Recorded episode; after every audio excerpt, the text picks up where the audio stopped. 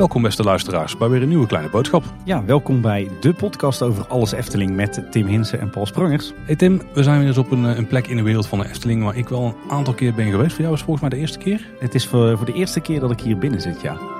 We hebben het in Kleine Boodschap natuurlijk altijd over de Efteling, het park de Efteling. Eh, maar we zijn ook al op bezoek geweest eh, in het golfpark, eh, in het hotel, in het Loonse Land, in Bosrijk.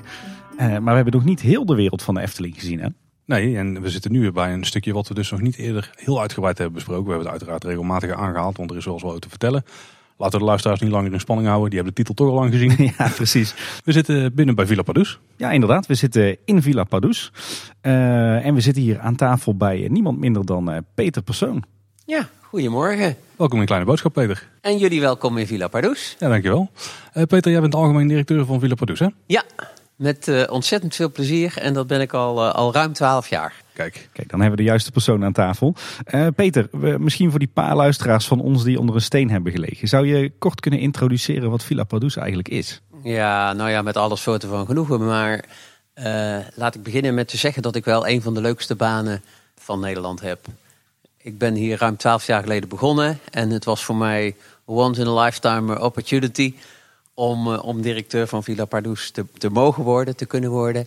En nou ja, ik heb aan deze kleine maar dappere organisatie, zeg ik altijd, eh, in de loop der jaren met ontzettend veel plezier gewerkt. En wat doen wij hier? Ja, nou, wij ontvangen hier dus eh, gezinnen uit Nederland met een ernstig ziek kind in hun midden. En die kinderen die zijn meestal in de leeftijd van, van 4 tot en met 12 jaar.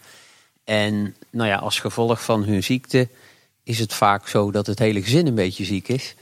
En wij nodigen deze gezinnen uit om een week lang bij ons een energieboost te krijgen, plezier te komen maken, blij te zijn, waardoor uiteindelijk de ziekte ook naar de achtergrond verdwijnt en de contacten binnen het gezin, het feit dat ze toch een tijdje met elkaar in de lappenmand hebben gezeten, dat dat zoveel mogelijk eh, naar de achtergrond verdwijnt en de contacten en de banden in het gezin weer eens een keer goed aangehaald kunnen worden.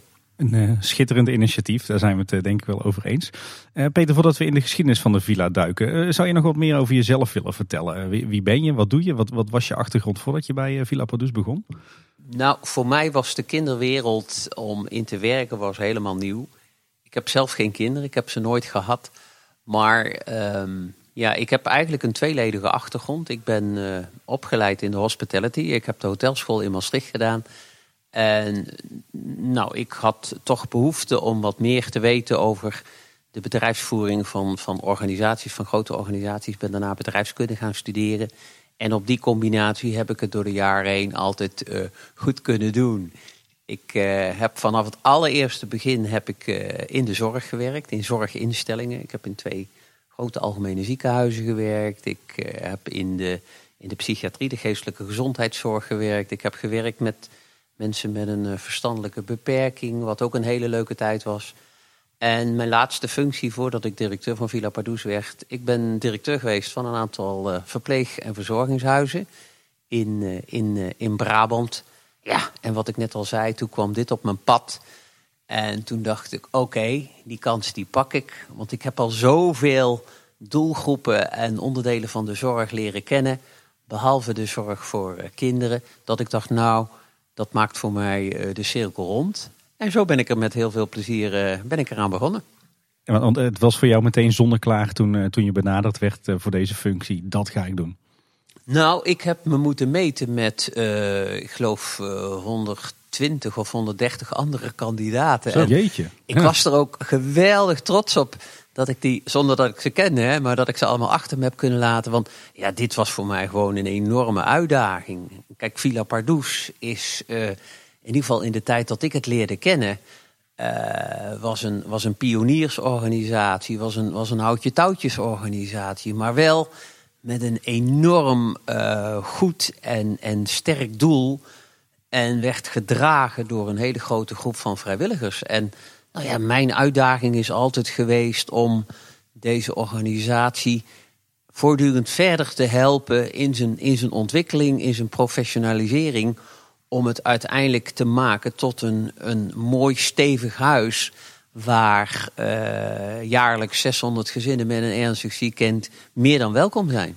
Misschien een mooi moment om inderdaad even in de geschiedenis te duiken. Want hoe is Produce ooit ontstaan? Als, uh, want het draagt de naam van de Efteling, dus er zal ergens een linkje zijn. Maar... Ja, nou ja, dat is misschien wel leuk om te vertellen. In, in de tijd dat uh, jullie wel bekend, hè, Paul Beck, directeur was van de Efteling. Toen is Paul samen met het bestuur van Stichting Natuurpark de Efteling op een aantal plekken gaan kijken naar ontwikkelingen van pretparken, naar nieuwe attracties.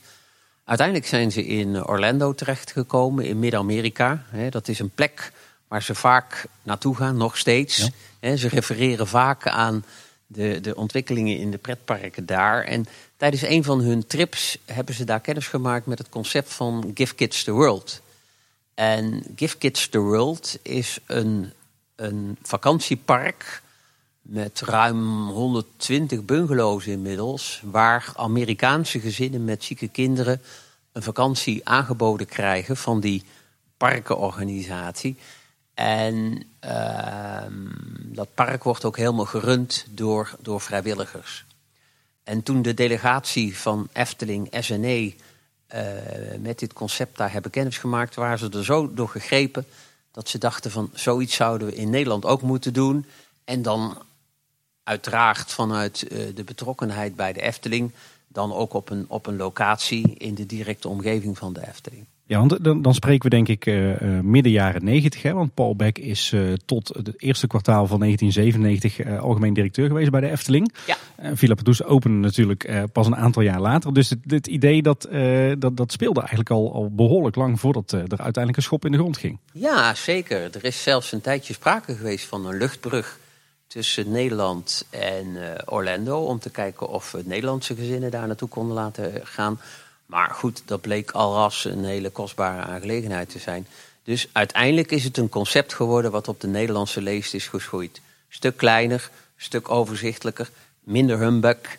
En degene die het initiatief zeg maar handen en voeten heeft gegeven, dat was de toenmalige voorzitter van Stichting Natuurpark de Efteling, Piet van Haren.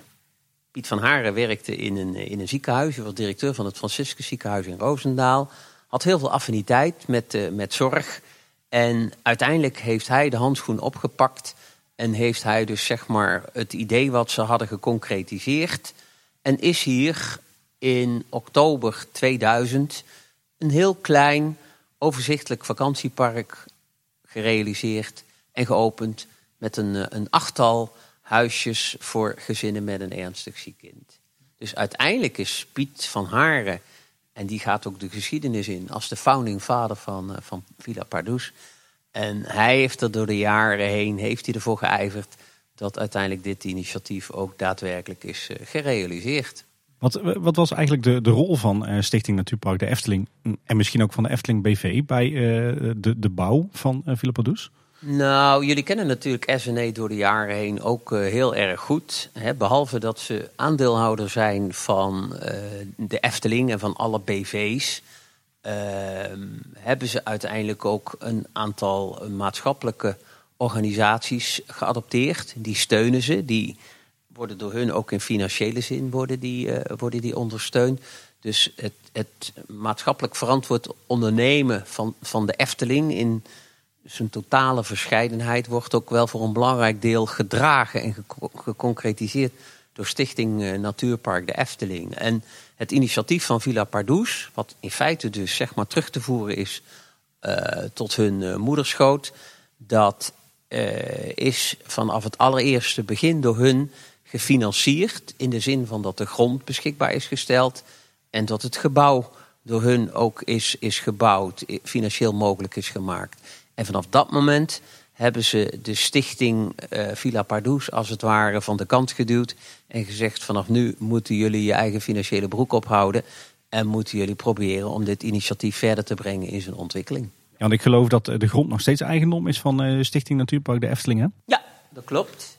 En ook een groot deel van het gebouw is uh, eigendom van Stichting Natuurpark de Efteling. En wij hebben een aantal jaar geleden, zes jaar geleden hebben wij een uitbreiding gerealiseerd. En die heeft Villa Pardoes uit eigen middelen kunnen betalen. Kijk, want de, de, de bouw van de villa is wel uh, volledig bekostigd dus door de stichting. Daar hoeven, hebben jullie ook geen, uh, niet, niet hoeven af te betalen, zeg maar. Ehm, ja, wij betalen wel een, een, een jaarlijkse huur voor het gebruik van het gebouw en de grond, zeg maar. Dat is één ene totaalprijs. Ah, kijk, zit dat zo in elkaar? Dat heb ik nooit, eh, nooit geweten. Nee, maar het bijzondere daarvan is dat, eh, laten we zeggen, die huurlasten, die worden aan het eind van het jaar, worden die door Stichting Natuurpark de Efteling, worden die weer teruggedoneerd Ah. aan Villa Pardoes. Ja. En dikwijls, eh, dat gebeurt meestal in de maand december, staat er dan eh, als gevolg van de feestmaand en de gezinsmaand bij uitstek, staat er nog een kleine financiële kop eh, staat erop. Dus wij worden in hele ruime mate worden wij gedoneerd door Stichting Natuurpark de Efteling. Kijk, dat is mooi. Ja. Ehm, dan, hebben we het, eh, dan is het oktober 2000, dan gaat eh, Villa Padus open. Hoe, hoe is eigenlijk dat, dat 20 jaar, die, hoe zijn die 20 jaar verlopen? Nou, eigenlijk wel heel erg eh, dynamisch. Kijk, de grote uitdaging is natuurlijk dat je zorgt dat de sleep niet over zo'n concept gaat. En ja, Villa Pardoes is een vrijwilligersorganisatie avant la lettre. Er werken inmiddels ruim 200 vrijwilligers bij Villa Pardoes. Maar goed, vanuit de beginjaren eh, waren er dat er eh, enkele tientallen. Maar dat is door de jaren heen is dat gegroeid. En dan is natuurlijk de opgave dat je eh, zeg maar alle ontwikkelingen, ook naar de vrijwilligers toe, dat je die wel, wel eh, spannend en fruitig houdt. En nou ja, goed, wij zijn er in principe om plezier te maken eh, voor, voor, voor de kinderen. En te zorgen dat ze in de modus komen van, van goed weer en positiviteit. Maar dat is iets wat we wel met z'n allen eh, mogelijk moeten maken. Dus ook de sfeer, het humeur, het blij zijn, het plezier kunnen maken. Ja, dat moet in feite al onze vrijwilligers moeten dat heel, heel gemakkelijk kunnen. Om eh, uiteindelijk ook hier bij te dragen aan een goede sfeer in Villa Pardoes. En ja, daarmee geef je al aan dat we in feite in een hele eh, prettige, eh, leuke omgeving met z'n allen ons werk kunnen doen. En dan is natuurlijk wel de uitdaging om te zorgen dat je iedere keer het concept een stapje verder brengt, waardoor het aantrekkelijk blijft en waardoor het ook regelmatig wordt, wordt gemoderniseerd. Dus dat het wel meegaat in de veranderingen van het tijdsbeeld van dat moment. Wat zijn nou een paar grote stappen die zijn gemaakt in de afgelopen 20 jaar? Nou, dat, dat zijn er meerdere, maar ik denk om te beginnen toch wel de professionalisering van de vrijwilligersorganisatie. Wij hebben inmiddels een gekozen vrijwilligersraad die één keer per zes weken met mij en de coördinatoren, de vrijwilligerscoördinatoren uit de vaste staf om tafel zit. Om alle ontwikkelingen in en rondom de villa met elkaar te bespreken. En hun daar ook ruimte in te geven om over mee te denken en met ontwikkelingen in te stemmen. Dus het is in feite toch een soort eh, ondernemingsraad van, van Villa Pardoes. Ik vind dat we dat door de jaren heen heel, heel goed gedaan hebben. Inspraak en medezeggenschap wordt hier met hoofdletters geschreven. Vind ik heel erg belangrijk. Een tweede punt is dat we het vrijwilligersbeleid op dit punt ook heel erg ver hebben uitgewerkt. He, alles op het gebied van, van input, van throughput, van output. Dus zeg maar de hele loopbaan die een vrijwilliger in de villa kan afleggen, is, is uitgeschreven. We besteden heel erg veel zorg aan eh, de, de kennismaking en de introductie met eh, onze vrijwilligers. Ze krijgen allemaal een inwerkprogramma boven de sterkte, allemaal een mentor.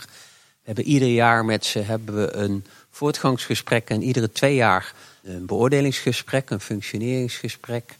We hebben alles wat er rondom vrijwilligers kan gebeuren, hebben we eh, helemaal vastgelegd en uitgewerkt.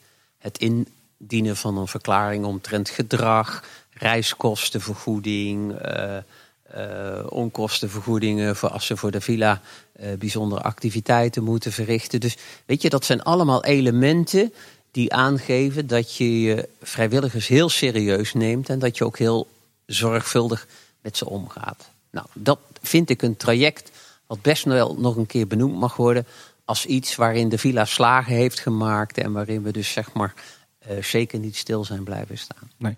J- Jullie zijn de afgelopen 20 jaar ook best een aantal keer eh, uitgebreid, toch? Zowel binnen als buiten. Ja, ja dat is een, een, een tweede markant punt wat ik eh, zou willen noemen.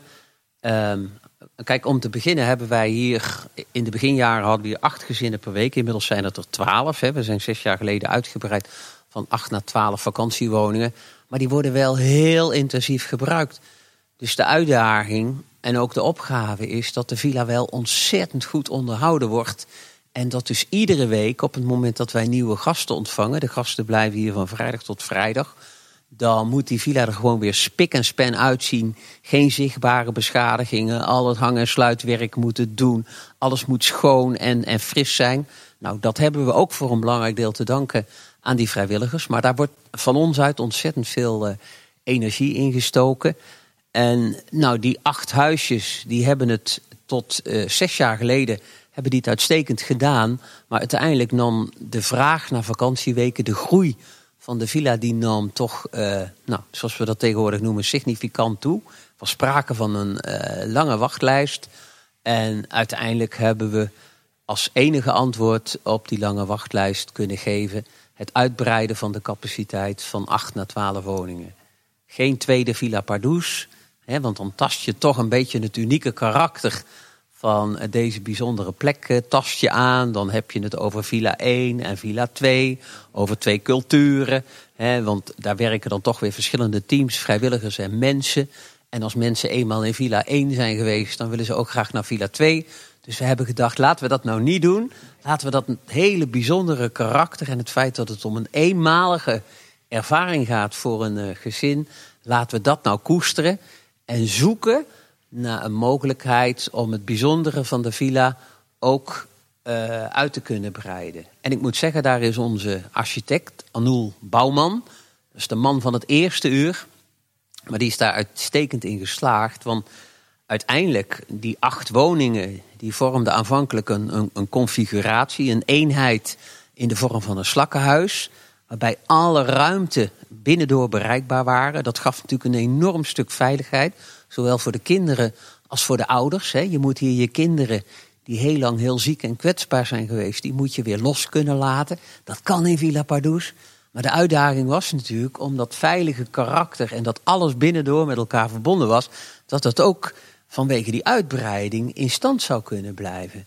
En ik zal jullie straks nog een keer rondleiden door de villa, maar dan kun je met eigen ogen zien dat Anul daar uitstekend in geslaagd is. Want uiteindelijk is onze uitbreiding een bloem geworden, waar de slak op terecht is gekomen en alles is nog steeds binnendoor met elkaar verbonden. Dus dat geeft hier ook het gevoel, wat jullie daar straks al een keer zeiden. Je bent hier binnen buiten. Het is het, het outdoor zijn, maar dan in een hele overdekte situatie. En ik zeg ook wel eens schertsend: ja, Villa Pardoes is eigenlijk één grote overdekte camping. Hè, omdat het om een vakantiegevoel gaat waarin de kinderen volkomen vrij moeten kunnen zijn. Ik kan me wel voorstellen als je ineens uh, met 50% groeit qua capaciteit, dat het ook wel wat uitdagingen met zich meebrengt voor uh, de organisatie, de vrijwilligers, alle, alle voorzieningen in dit gebouw. Ja, nou ja, dat heeft het ook gedaan. Het heeft natuurlijk een zware wissel getrokken op onze vrijwilligersorganisatie. Wij moesten in één keer, niet geleidelijk aan, maar in één keer sprongsgewijs, moesten wij een uitbreiding realiseren. Wij zijn ontzettend trots al die vrijwilligers. Die komen hier allemaal uit de regio, dus allemaal uit, uit Kaatsheuvel, uit Loon op Zand, uit Waspik, uit Capelle. En weet je, het is voor een, uh, een regio ontzettend belangrijk dat je dit soort aantrekkelijke, grote, goede doelenorganisaties, maar vooral vrijwilligersorganisaties, dat je die in je, in je gemeente hebt. Daar zijn zij trots op, daar zijn wij trots op. Dus we hebben in één keer een slag moeten maken, heel veel extra vrijwilligers aan moeten trekken om die exploitatie met die twaalf woningen uh, mogelijk te kunnen maken. Nou, en dat heeft in het begin heeft dat wel eens wat uh, wrijving gegeven. Dat heeft wel eens geschuurd. Hè. We hadden natuurlijk een hele grote groep vrijwilligers die uh, heel trouw zijn en hier al heel lang actief waren. En dan komt er in één keer komt er een groep jongere vrijwilligers bij. Niet in leeftijd, maar wel in, in ervaring. En dan ontstaat wel eens het gevoel van: God joh, hè, we hebben het altijd zo gedaan. wij weten wel wat goed voor jou is. we, gaan, we gaan het zo doen. Maar intussen is dat proces alweer een aantal jaren, ligt dat achter ons. En hebben we toch geleidelijk aan, hebben we zeg maar, ja, die, die, die, die blend, die hele mooie mixer van die vrijwilligers, hebben we zien, zien ontstaan. En hebben we uiteindelijk met elkaar ook op een goede manier invulling kunnen geven aan, aan deze uitbreiding. En dan wordt het uh, 2020, dan bestaan jullie 20 jaar. Dan uh, heb je een, een, grote onderhoudsbeurt op de planning staan, meen ik mij te herinneren. Maar dan is het allemaal net even iets anders. Ja, nou ja, eh, eh, het bijzondere is dat als wij deze aflevering van jullie prachtige podcast opnemen, dan is de villa is leeg. wij hebben op dit moment geen gasten in de villa als gevolg van corona. En dat is in feite al de tweede keer dit jaar dat we hebben moeten besluiten om de villa op slot te doen. ter bescherming van de gezinnen zelf, ter bescherming van de kinderen maar ook ter bescherming van onze vrijwilligers en uh, onze, onze vaste medewerkers. Dus in maart, bij de eerste lockdown zeg maar, in Brabant, hebben wij vrij snel daarna besloten om ook dicht te moeten gaan. Zijn een aantal weken zijn we dicht geweest.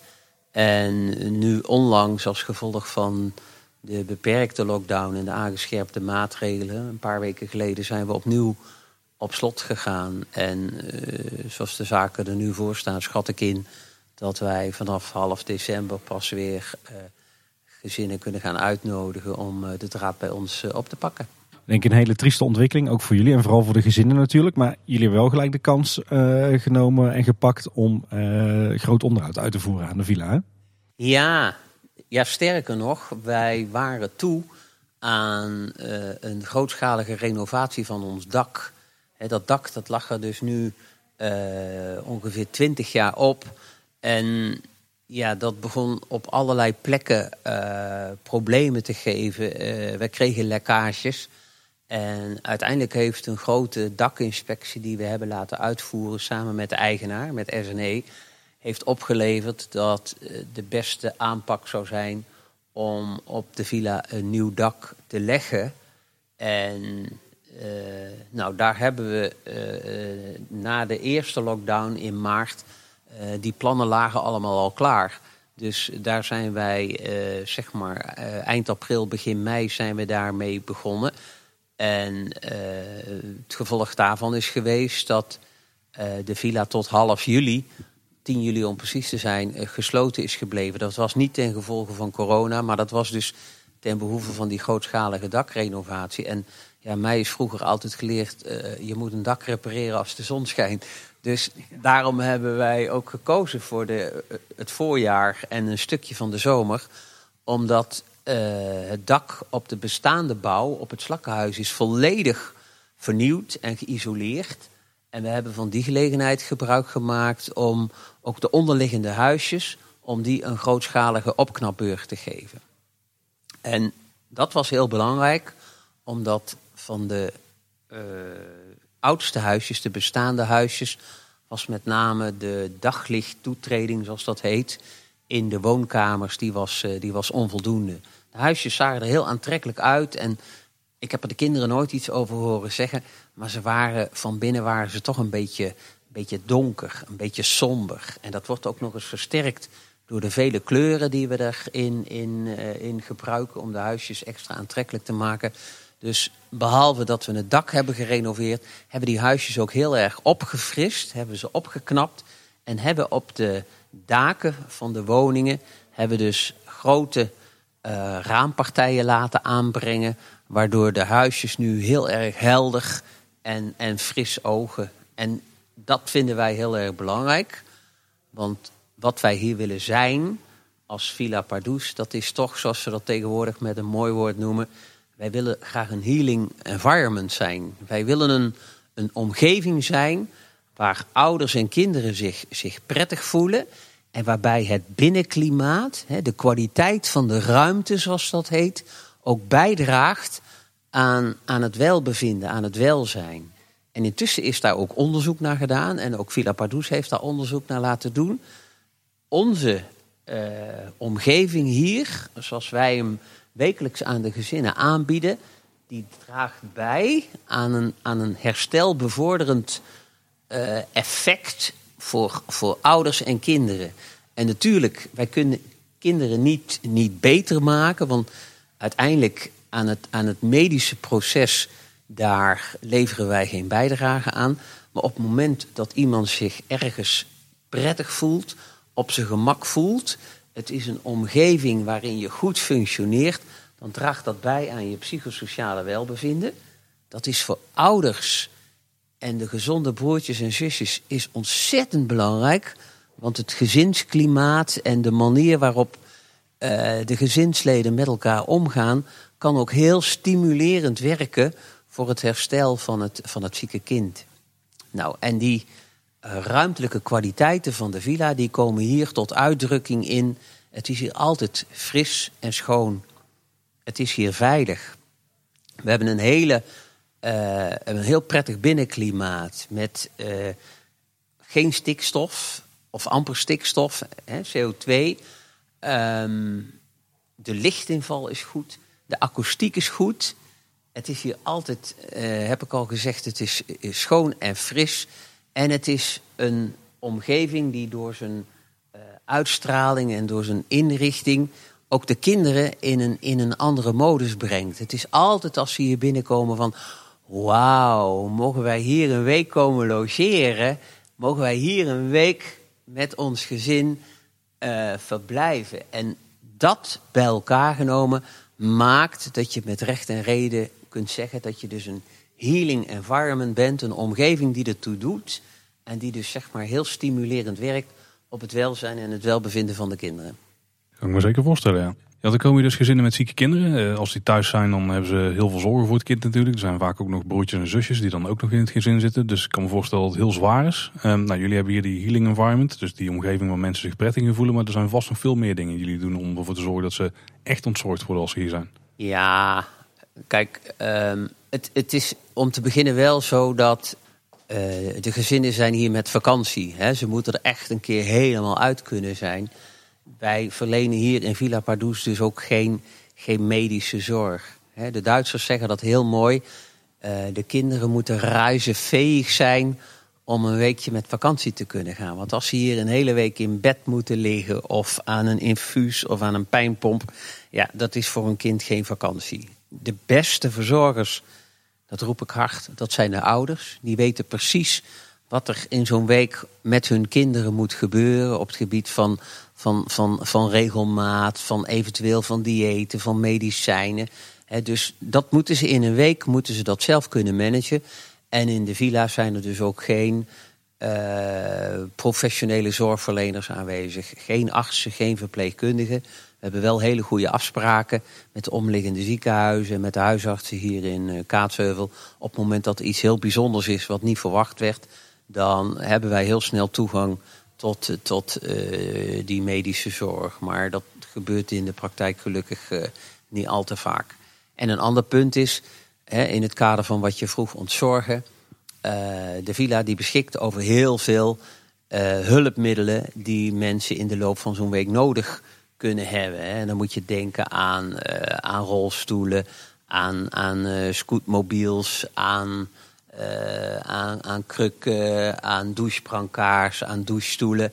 In alle huisjes zitten ook tilliften. Weet je, dat is om de zorg die de kinderen toch moeten hebben, om die zo makkelijk mogelijk te maken. En dat mensen ook zoveel mogelijk van die spullen thuis kunnen laten. Dat is ook heel erg belangrijk. Het gaat hier vooral om het feit dat ze een weekje tot rust kunnen komen. En, en niet al te veel eh, gedoe en zorgen aan hun hoofd hebben. Nou, en dan wordt dat vakantiegevoel natuurlijk versterkt. Aan de ene kant omdat ze hier dus met uh, elf andere gezinnen een week plezier komen maken. Maar op de achtergrond is het ook vaak een kwestie van, van hun zorgen en van hun verdriet en van hun onzekerheden met elkaar delen. Zeker de volwassen mensen, de ouders onder elkaar. En nou goed, daar zitten hier twee uh, jong, volwassen, stoere kerels tegenover mij. Maar op het moment dat je een kindje van 5, 6, 7 jaar in je gezin hebt rondlopen. en je krijgt te horen dat het leukemie heeft. of dat het ergens een tumor heeft op een, een hele lastige plek. waardoor er heel veel uh, complicaties kunnen optreden. dan gebeurt er wat met je als ouder. En uh, niet alleen met de individuele ouder, maar ook de relatie tussen de ouders. Die komt enorm onder, onder druk te staan. En deze mensen raken elkaar door de zorgen en de emoties die op ze afkomen, elkaar vaak in de loop van zo'n traject ook kwijt. Dus het is ook echt wel een opgave om te zorgen dat je je gezin, je eigen clubje, dat je dat eh, bij elkaar houdt. En dat is dan wel heel bijzonder. In deze bijzondere omgeving, in deze bubbel, worden juist deze dingen worden heel erg tussen de ouders onderling met elkaar uitgewisseld en besproken. En alles wat je met elkaar kunt delen, dat voelt minder zwaar. Dus de bijvangst van zo'n week Villa Pardoes is dat wij niet alleen kinderen uh, heel veel plezier bezorgen, maar dat we off the record met name zorgen dat dit proces tussen de ouders dat dat ook een kans krijgt en dat die er aan het eind van een week vaak uh, op een hele opgewekte en, en blije manier dat ze terug, uh, terug naar huis gaan. Ook omdat ze weten dat zij niet de enige zijn die in zo'n vervelende situatie terecht zijn gekomen. En vaak houden ze ook contact met elkaar om de volgende stappen of fase in het proces om ook nog eens een keer bij elkaar te raden te kunnen gaan. En dat gebeurt hier allemaal in Villa Pardoes. Ik kan, me wel voorstellen, nu je dat zo vertelt, dat als je hier werkt of als je hier vrijwilliger bent, dat het mentaal ook wel heel zwaar kan zijn, denk ik. Wat je hier ziet en hoort en uh, wat er gebeurt. Of... Ja. ja, nou ja, dat is ook zo. Kijk, we hebben het nog niet echt over de doelgroep uh, kinderen gehad. Ik heb wel gezegd van 4 tot 12. Maar de helft van de kinderen die hier komen, die hebben een, een oncologische aandoening, zoals we dat noemen. Dus die hebben een vorm van kanker. En ik heb al genoemd leukemie of tumoren, maar ook Hodgkin, non-Hodgkin. Dat zijn allemaal uh, vormen van kanker die een enorm uh, zware wissel trekken op het, op het functioneren van, van een kind. Zeker in die leeftijdsfase. Maar we hebben ook wel kinderen hier met, met spierziekte, met zenuwziekte met stofwisselingsziekten. En ja, dat zijn vaak chronische ziekteprocessen. En die hebben, uh, zoals we dat noemen, een progressief beloop. Dus die kinderen die gaan in de loop der jaren, die gaan ook achteruit. Uh, die gaan mentaal achteruit, hè, mentaal retarderen. Maar uh, ja, ook hun functies gaan langzaam achteruit. En uiteindelijk komen ze op hun achttiende of op hun twintigste in een rolstoel terecht. En, en gaan ze dikwijls redelijk snel daarna gaan ze dood. Dus het gaat wel om, om een populatie van kinderen ja, die, er, die er toe doet, maar die ook best wel een bepaalde druk leggen op, uh, op de omgang. Hè. Binnen hun eigen gezin hebben we het al over gehad, maar ook als ze hier in Villa Pardoes zijn. En om nou te voorkomen dat uh, onze gasten te veel op onze vrijwilligers gaan leunen, en andersom, dat vrijwilligers te veel socialiseren met de gasten, hebben we als stelregel dat je in een week dat gasten hier verblijven, dat je maar één, hooguit twee diensten kunt draaien als vrijwilliger.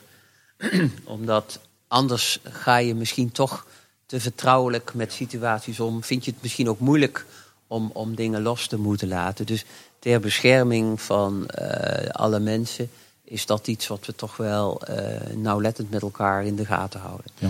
Is er nou ook iets wat is gekomen in de loop der jaren? Dat iets wat jullie hebben geleerd? Of kun je dat dan ook meenemen uit Orlando? Dat, dat jullie daar ook al dingen van hadden geleerd voordat uh, de wielen starten? Nou ja, het bijzondere van uh, het concept van Give Kids the World. hun hun president is een aantal keren hier geweest. Pamela Landwicht. En wat zij zegt van de situatie hier, en daar is ze wel een beetje jaloers op. Kijk, in de Amerikaanse situatie is er sprake van meer dan 100 bungalows. Maar die liggen allemaal als puistjes in de wei. Nou staat eh, Orlando bekend om zijn goede weer. Ten opzichte van uh, hier Nederland en Kaatsheuvel. Maar je moet je voorstellen dat als je allemaal een eigen huisje hebt. dan trek je je op een zeker moment trek je in je eigen huisje trek je terug. En dat betekent dat als het donker wordt, of het sneeuwt, of het regent dat mensen allemaal in hun eigen huisje blijven en daar hun eigen dingen doen. En de kracht van de situatie hier is dat alles met elkaar in verbinding staat. En ik zeg wel eens, hier faciliteert in feite het gebouw, zoals wij het hier hebben uitgevoerd, faciliteert het contact en stimuleert de ontmoeting. En dat is een heel groot goed. Want het leven in Villa Pardoes gaat 24-7 gaat het door. Ochtends in alle vroegte, dan gaan de deuren van die huisjes open. En dan komen die kinderen op hun blote voetjes, trip, trip, trip, trip, trip.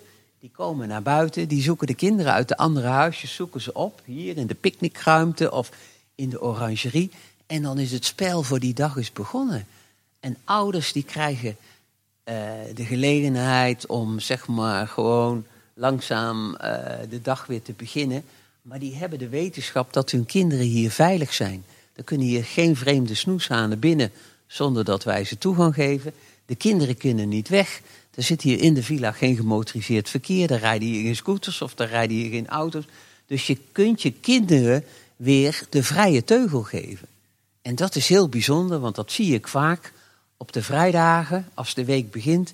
Dan brengen ze hun kinderen mee onder een glazen stolp. Dan zijn het allemaal kastplantjes.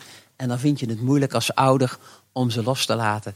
Maar in de loop van de dagen dat ze hier zijn, zie je dat proces, zie je langzaam, zie je gewoon vrijer worden. En je ziet die kinderen weer met elkaar plezier maken. En nou ja, dat hoef ik jullie niet te zeggen. Op het moment dat het met de kinderen goed gaat, dan gaat het met de ouders ook goed. Dus in de loop van de week zie je hier rust, zie je ontstaan en zie je een stuk van de, van de onrust en de onzekerheid, die zie je plaatsmaken voor, uh, nou ja, blije uh, moeders en vaders die gewoon zien dat ze weer een gezond kind mee naar huis kunnen nemen. Ja, ik moet ook zeggen, eh, we hebben natuurlijk nog maar een klein stukje gezien van de villa. We gaan straks meer zien. Maar het, het voelt voor mij ook meer als een, een groepsaccommodatie of, of bij wijze van spreken een schoolkamp. Dan dat het voelt als een hotel of als een ziekenhuis. Ja, nou ja, ik denk dat dat een hele terechte constatering is. Alleen het is wel belangrijk dat je in die groepsaccommodatie dat je mensen wel een stukje veiligheid geeft en een stukje ruimte geeft in de vorm van privacy door ze een eigen huis beschikbaar te stellen. Dus ze hebben hier een week lang de beschikking over een, een eigen woning waarin ze, als ze dat willen of als ze dat nodig hebben, zich wel volledig terug kunnen trekken. Ik wil toch nog even over, over de gezinnen zelf hebben. Want dat is uiteindelijk natuurlijk waar het hier om, draait in Villa Padus. Uh, uh, waar komen ze vandaan? Hoe, melden ze zich aan? hebben jullie een bepaald selectiebeleid of zo? Hoe, moet ik dat voor me zien? Nou, om te beginnen is het zo dat de gezinnen die hier door ons worden uitgenodigd, die komen uit, uit heel Nederland.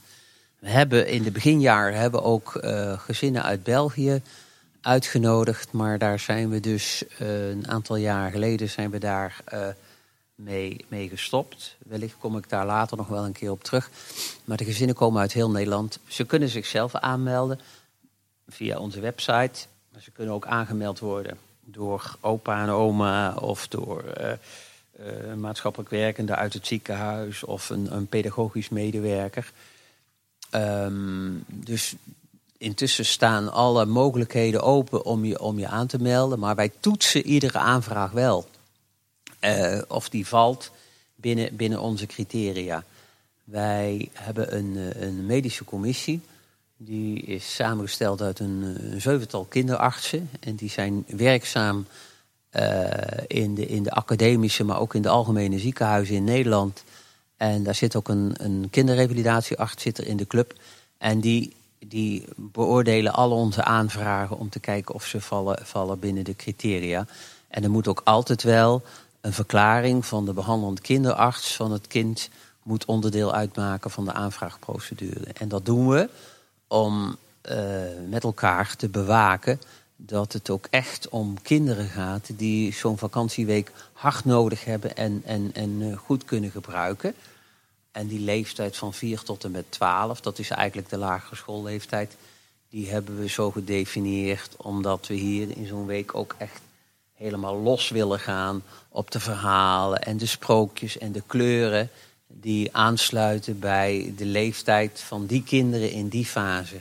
Ik zeg wel eens, als je puber bent van 13 of 14, dan is het in Villa Pardoes niet meer stoer en sexy. Dan heb je gewoon heel andere behoeften. En ja, dan wil je daar ook op een andere manier invulling aan kunnen geven. Dus, en op het moment dat je de hele range wilt bedienen, van 0 tot, tot 18 bij wijze van spreken, ja, dan wordt het vlees nog vis. Hè? Dan uh, ben je zo algemeen in je aankleding, in je keuzes, in je, in je spelen en spelmogelijkheden, dan, ja, dan, dan bereik je in zekere zin uh, niemand. Nee.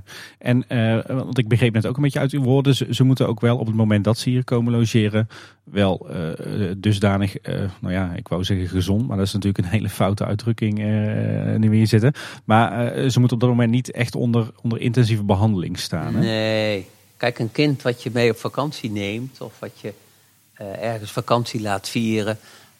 dat moet up and running kunnen zijn. Hè. Ze, moeten kunnen, ze moeten kunnen lopen. ze moeten zich vrij kunnen bewegen. En goed, we hebben het even met elkaar alleen over de, de situatie, het verblijf in Villa Pardoes gehad. Maar jullie hebben er straks ook al een keer gevraagd van God, wat, wat kunnen kinderen en, en gezinnen die bij jullie op vakantie zijn, wat kunnen die allemaal? En nou, dat is toch ook wel iets om even heel goed te benadrukken voor uh, alle luisteraars. Kijk, um, Villa Pardoes leeft bij de gratie van de, van de steun en de hulp van een heel groot gedeelte van, van de regio waar wij in gehuisvest zijn. Niet alleen ten aanzien van vrijwilligers en ook sponsoren en donateurs. Maar ook mensen die hun deuren openstellen voor de gastgezinnen van Villa Pardoes. Die activiteiten aanbieden om die week zo leuk mogelijk te maken.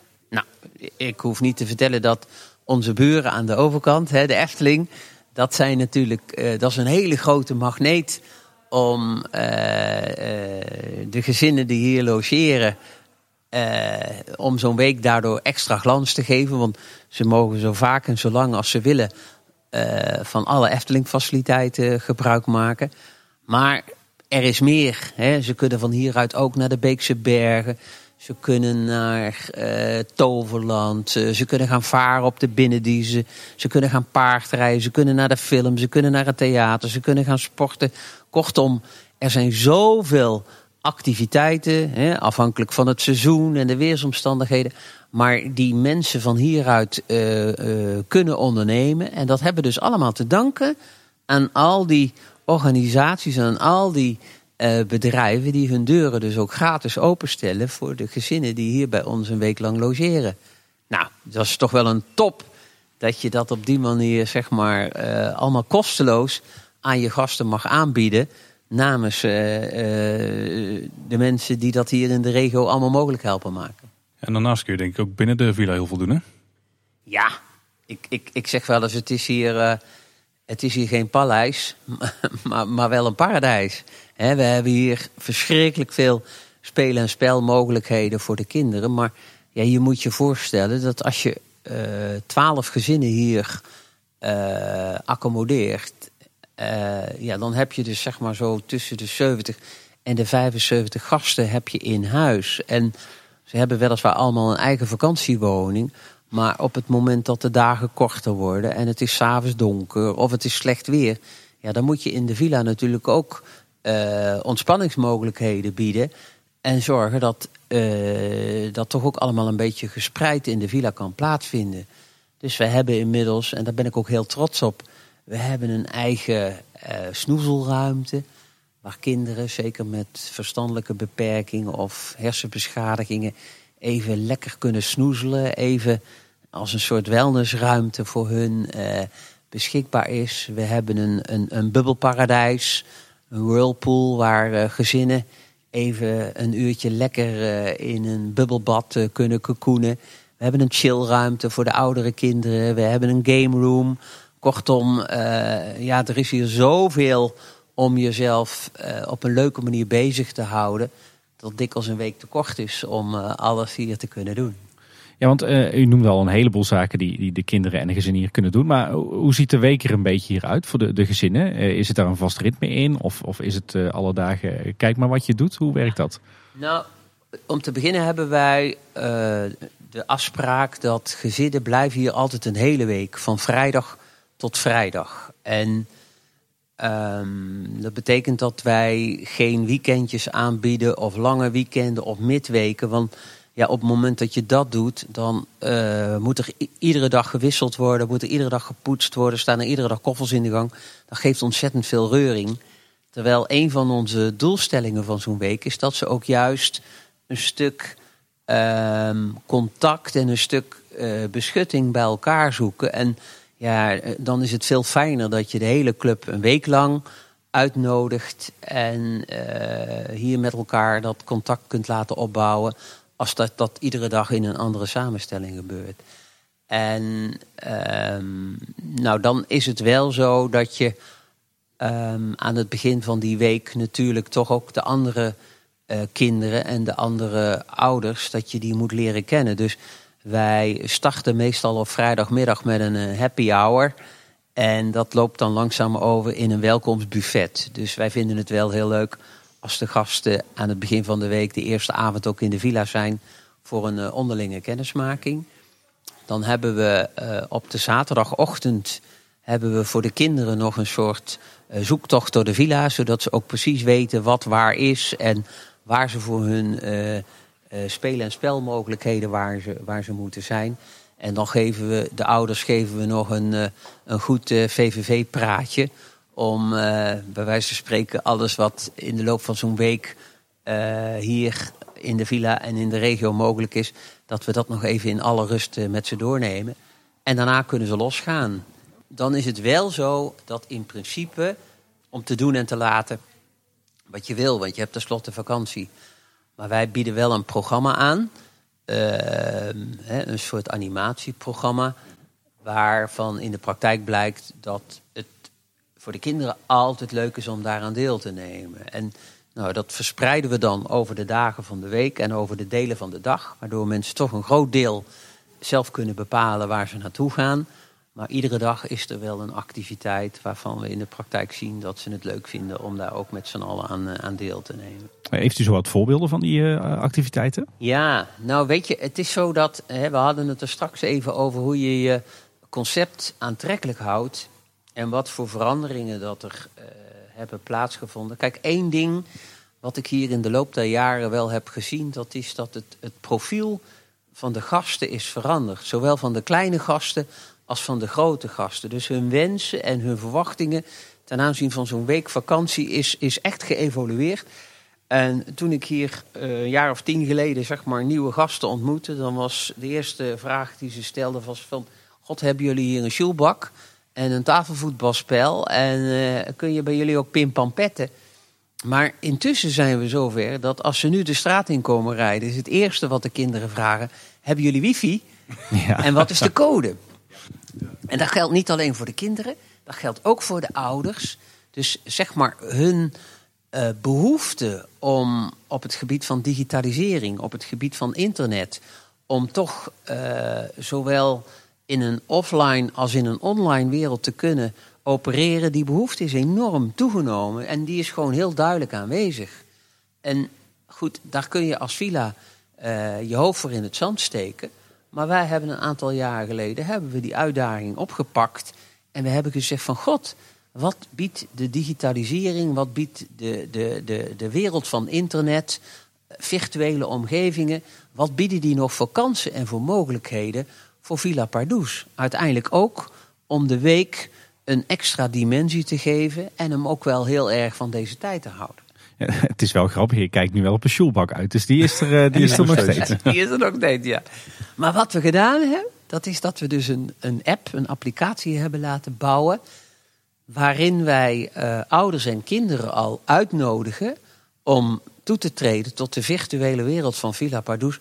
Voordat ze fysiek op vrijdag naar Villa Pardoes komen. Dus een paar weken voordat ze uh, naar ons toe komen, worden ze bij de uitnodiging al in de gelegenheid gesteld om uh, kennis te maken met Villa Pardoes. En die, die uh, applicatie die geeft ouders heel veel informatie en voorlichting over wat ze in die week kunnen verwachten. En het belangrijkste voordeel is dat als je ergens goed voorbereid aan begint, dan, uh, dan haal je ook meer uit zo'n week, uit, uit zo'n vakantie. En voor de kinderen is het ook een vorm van voorpret. Want er zitten een aantal spelletjes en speelmogelijkheden in die app. Waardoor ze, ik zeg wel eens een beetje uh, het, is, het is een soort kindertinder, hè, waarbij uh, de kinderen met de andere kinderen uit de andere huisjes al, al kennis kunnen maken. Waardoor ze het heel spannend vinden om hier naartoe te komen. En ook de kinderen uit de andere huisjes daadwerkelijk te leren kennen. En dat gaat echt om hele simpele matches die ze kunnen maken. Van god, hou je meer van poffertjes of van, van pannenkoeken? Of Slaap je liever in een wigwam of in een iglo? Weet je, met dat soort simpele vragen. Maar wij, wij zorgen dat de kinderen als het ware al een beetje voorgloeien. Hè, waardoor als ze hier naartoe komen, ze al helemaal in de, in de, in de ban van de villa zijn. En wat je aan de voorkant doet, dat kun je natuurlijk ook aan de achterkant doen. Dus die applicatie, die stelt ons in staat om de gezinnen die een week lang met elkaar opgetrokken hebben, om die toch in een hele veilige, beschermende omgeving, om die achteraf ook dat contact met elkaar uh, te kunnen laten voortzetten. En met het uploaden van foto's en herinneringen en geluksmomentjes, ja, kunnen ze ook op die manier kunnen ze het contact met elkaar uh, onderhouden. En uh, u had het net al over de activiteiten die jullie organiseren. Wat, heeft u zo wat voorbeelden van activiteiten die jullie uh, zeg maar dit jaar organiseren of georganiseerd hebben? Ja, nou wij hebben met name onze verhaallijn die zeg maar ook in die applicatie al, al begint. Hè, het sprookje van Villa Pardoes. we hebben die, die verhaallijn hebben we ook in de villa versterkt door een aantal activiteiten hier met de kinderen te doen, waardoor ze uh, steeds meer en beter weten wat uiteindelijk Villa Pardoes is. En uh, om dat wat te concretiseren, wij maken hier met de kinderen een, een zoals we dat noemen, een sprookjestoer door de villa. We hebben in ieder huisje hebben we intussen hebben we een stolp neergezet. En in die stolp, daar zit een, een attribuutje in. Een voorstellingje. Wat aan het eind van de middag en in de avond oplicht en begint te twinkelen. En dat is een onderdeel van het verhaal van het huisje zelf, waar de kinderen in logeren. En in de loop van de week dan gaan we met de kinderen langs alle huisjes om ze al die tafereeltjes in die stolpen, in, in die huisjes, om ze die ook te laten ervaren. En die kleine verhaaltjes vormen samen het grote verhaal van Villa Pardoes. Verder hebben we de mogelijkheid om hier met de kinderen uh, virtueel slakken te zoeken. Een soort Pokémons. Okay. En uh, daar hebben we een aantal markeringen voor in de villa aangebracht. Waardoor de kinderen met hun iPhone of met hun uh, tablet zeg maar, die, die slakken kunnen zoeken. En op het moment dat ze ze allemaal gevonden hebben, dan krijgen ze een soort bonus. En dan kunnen ze via hun tablet of hun iPhone kunnen ze uh, toegang krijgen tot de virtuele wereld van Villa Pardoes. En dat is waanzinnig, want dan komen ze in een animatie terecht. Dat is een spiegel waar ze doorheen kunnen lopen. En dan komen ze in een animatie terecht, waardoor ze om hun heen kijken en echt de beelden van de villa kunnen zien. En ja, dat is zeg maar iets wat ze ook mee naar huis mogen nemen, waardoor ze, als ze op een later moment nog eens verdrietig zijn of een beetje gedeprimeerd, altijd weer toegang krijgen tot de wereld van Villa Pardoes, waarin ze het zo fijn hebben gehad. En dat zijn natuurlijk toch wel, uh, laten we zeggen, uh, innovaties, uh, vernieuwingen die we door de jaren heen hebben kunnen doorvoeren, omdat dat wel heel erg aansluit bij de behoeften en de manier waarop kinderen op dit moment in die hele digitalisering staan. Dat klinkt als een hele mooie manier om, die, om de kinderen en de families mee te nemen. Ja, van voor tot, uh, tot eigenlijk lang nadat de villa, dat ze hier weg zijn, denk ik. Nou, wat we dus in feite doen, dat is dat je een verblijf in zo'n uh, vakantieomgeving, zo'n villa, daar zetten we als het ware een doom overheen. En je maakt op deze manier je gastenverblijf, je, je, je, je journey, die maak je dus langer. Ja, hij begint eerder, hij wordt intenser en hij loopt langer door. En ja, wij zeggen wel eens, wij zijn dus echt bezig om het hele gastentraject, om dat dus te verlengen en te verdiepen. Waardoor de toegevoegde waarde van Villa Pardoes hier, maar ook daarvoor en daarna ook vele malen groter is. En ja, dat is een proces waar we de afgelopen jaren heel intensief aan gewerkt hebben. Uh, daar hebben we ook veel in geïnvesteerd, ook in, in geld. En wij hebben dus zeg maar een aantal van onze sponsoren bereid gevonden om juist ook specifieke onderdelen van dit hele traject om die, om die te willen financieren. dus het bouwen van zo'n app, het versterken van die verhaallijn, de attributen die je daarvoor nodig hebt, een nieuw karakter wat we hebben ingevoerd. Ja, dat zijn allemaal uh, veranderingen, allemaal vernieuwingen, die wel zorgen dat Villa Pardoes ontzettend van deze tijd is. Dat we niet op onze handen zijn blijven zitten en dat er de sleep niet overheen mag gaan. Nee, dat, eh, dat kan je wel stellen, ja. Uh, ik kan me wel voorstellen dat, dat uh, zo'n vakantie bij Villa Padus uh, ongelooflijk populair is bij de, de, doelgroep. Hebben jullie nou nog te maken met lange wachtlijsten? Nou ja, door de sluiting vanwege corona hebben wij dus heel veel vakanties moeten annuleren. En zijn we met deze mensen in gesprek om ze opnieuw te gaan, te gaan plannen, opnieuw te gaan boeken. Ik denk dat op dit moment de wachtlijst uh, is, is ruim vier maanden. Um, maar dat heeft te maken met de reden die ik net noemde.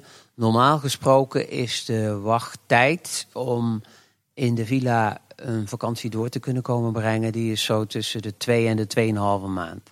Oh, dat is heel acceptabel. Ja. Eh, ik kan me voorstellen dat er ook een wachtlijst is voor mensen die hier vrijwilliger willen worden. Ja, en daar schaam ik me wel eens voor. Ik, ik heb er straks verteld dat ik heel lang in de zorg heb gewerkt. En daarin, hè, op tal van plekken. En daar kwamen we altijd uh, handen tekort. Er kwamen altijd mensen tekort, voornamelijk ook vrijwilligers. Hè, er waren soms activiteiten die geen doorgang konden vinden, omdat we niet de vrijwilligers hadden om bijvoorbeeld met uh, de ouderen in het verpleeghuis of in het verzorgingshuis uh, naar de kerk te kunnen gaan. Of naar een, een zangmiddag of naar een bingo-middag. Altijd handen tekort. Hier in Villa Pardoes hebben we dus een wachtlijst voor vrijwilligers. En niet zomaar voor vijf of tien. Nee, er staan echt tientallen mensen op de wachtlijst die zich graag uh, zouden willen inzetten voor de villa. En ja, dat is dan wat je noemt een luxe probleem. Want dat betekent dat als er dus bij ons mensen uh, stoppen met hun vrijwilligerswerk, om, om allerlei redenen, hè, omdat ze gaan verhuizen of omdat ze betaald werk gevonden hebben of, of omdat ze het uh, na een aantal jaar ook gewoon weer eens ergens anders uh, zich willen inzetten. Maar dan kunnen wij redelijk makkelijk kunnen wij die opengevallen plekken invullen doordat we een beroep doen op de vrijwilligers die op de wachtlijst staan. Jullie doen bij Villa Padus niet allemaal met vrijwilligers. Hè? Er, er is ook een, een, een betaald personeelsbestand, kan ik me zo voorstellen. Ja, ja, maar dat is maar een hele kleine club. Wij zijn in totaal met mij daarbij met z'n uh, negenen. Oeh, dat is bescheiden, ja. Ja, dat gaat om een formatie van uh, nog geen zeven fulltime plekken. Hè? Dus we haalden dit aantal omdat een aantal van de collega's parttime werkt. Maar die zijn er eigenlijk alleen maar om de werkzaamheden en de activiteiten van de vrijwilligers te faciliteren en in, en in goede banen te leiden. Want Villa Pardoes draait dankzij of bij de gratie van de inzet van, van vrijwilligers.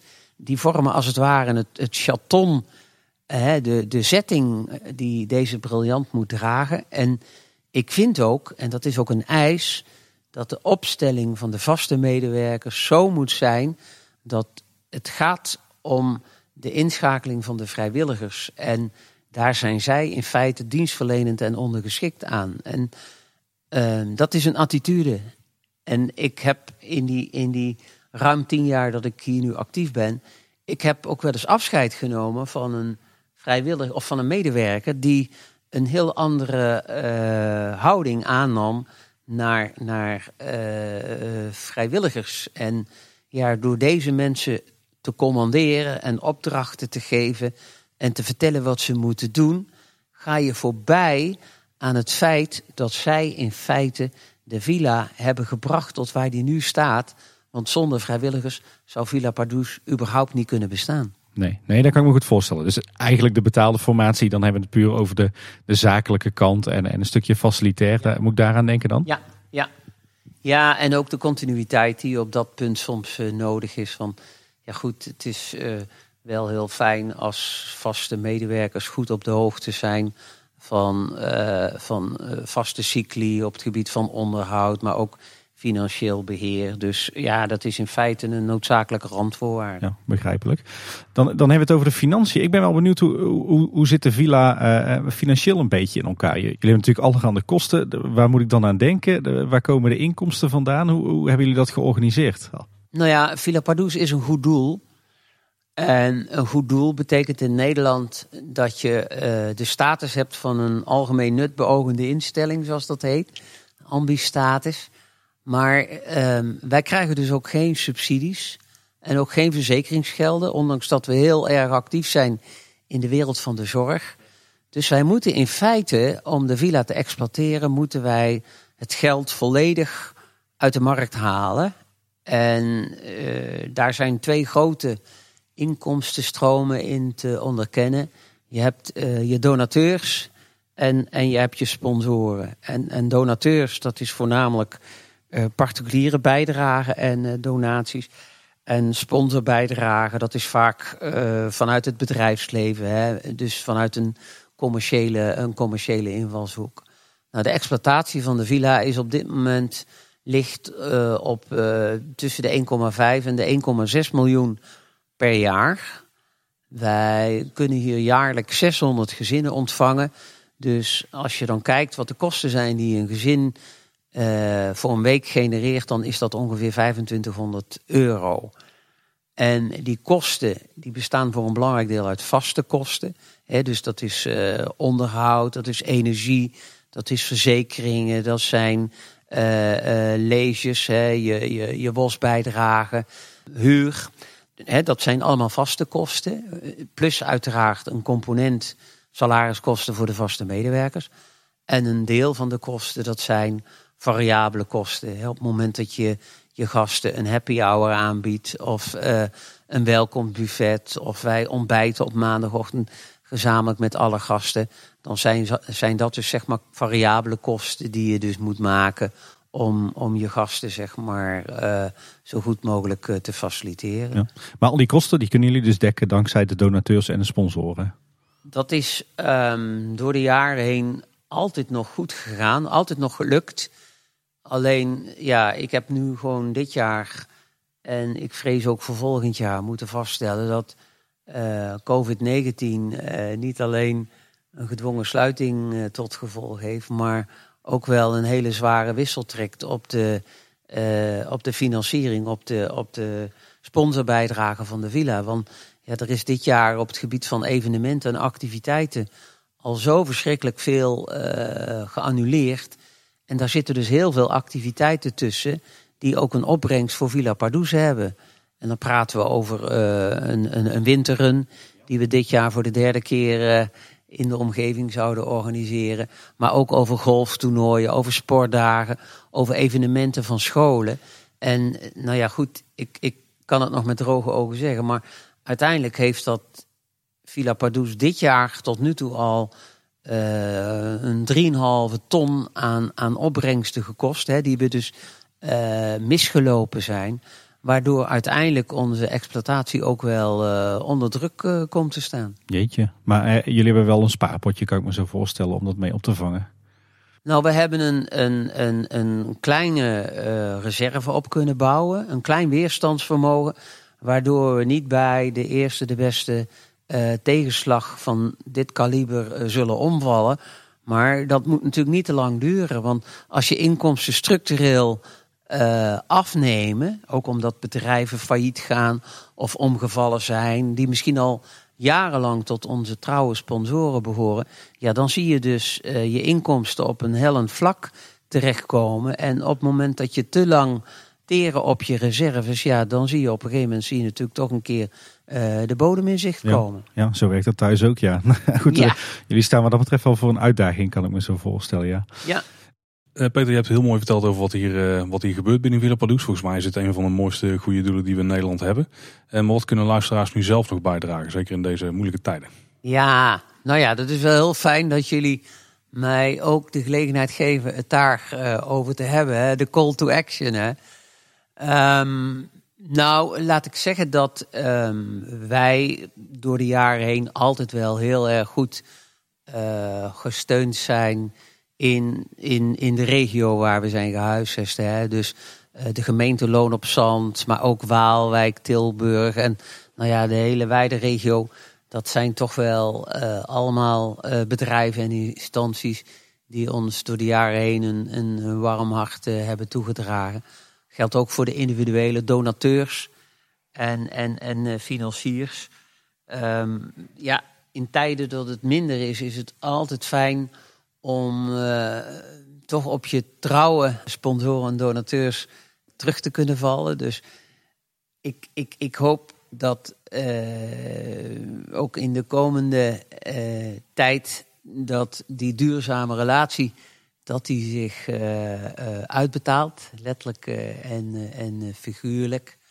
Ja, goed. Wij zijn een landelijk goed doel. Dus een van ehm, de acties die we voor de komende jaren op stapel hebben staan, is ook om te kijken of we aan onze landelijke naamsbekendheid nog een extra impuls kunnen geven. Want op het moment dat gezinnen uit Groningen komen, of uit Friesland, of uit Zeeland, of uit Noord-Holland, omdat daar uh, ziekenhuizen, academische ziekenhuizen zijn gehuisvest. Maar die vakanties die worden hier doorgebracht en voor een groot gedeelte door de regio gefinancierd. Dan zou het ook wel leuk zijn als er eens een keer een sponsor uit een van die uh, regio's waar de gasten vandaan komen, daar ook eens aan zou, zou willen bijdragen. En, dan, uh, en dat wordt een uitdaging voor het team fondsenwerving in de komende jaren om te kijken of dat als wij uh, gezinnen uitnodigen uit, uit Groningen of het Academisch Ziekenhuis Leiden of uit het Emma Kinderziekenhuis in Amsterdam, dat we ook gaan kijken of we met serviceclubs en bedrijven uit die regio's ook tot een vorm van samenwerking kunnen komen.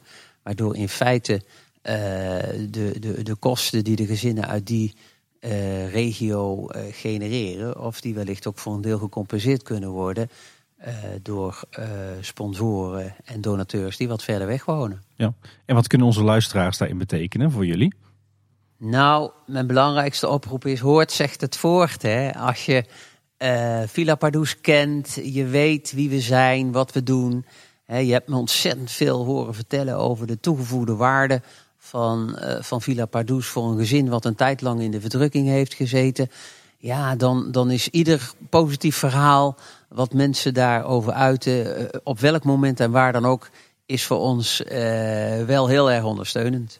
Is het mogelijk om een eenmalige financiële bijdrage te doen? Ja, dat kan natuurlijk ook. Kijk, ik vind het wel lastig en daarom ben ik er misschien ook een beetje aarzelend in. Ik vind het heel lastig om in deze pandemie waar we in zitten, waarin er uh, zeg maar ontzettend veel moeite wordt gedaan om de BV Nederland overeind te houden. We praten in feite toch over de, over de kabinetsteun die door ons allemaal moet worden opgebracht. Over bedragen van, van 80, 90, 100 miljard euro.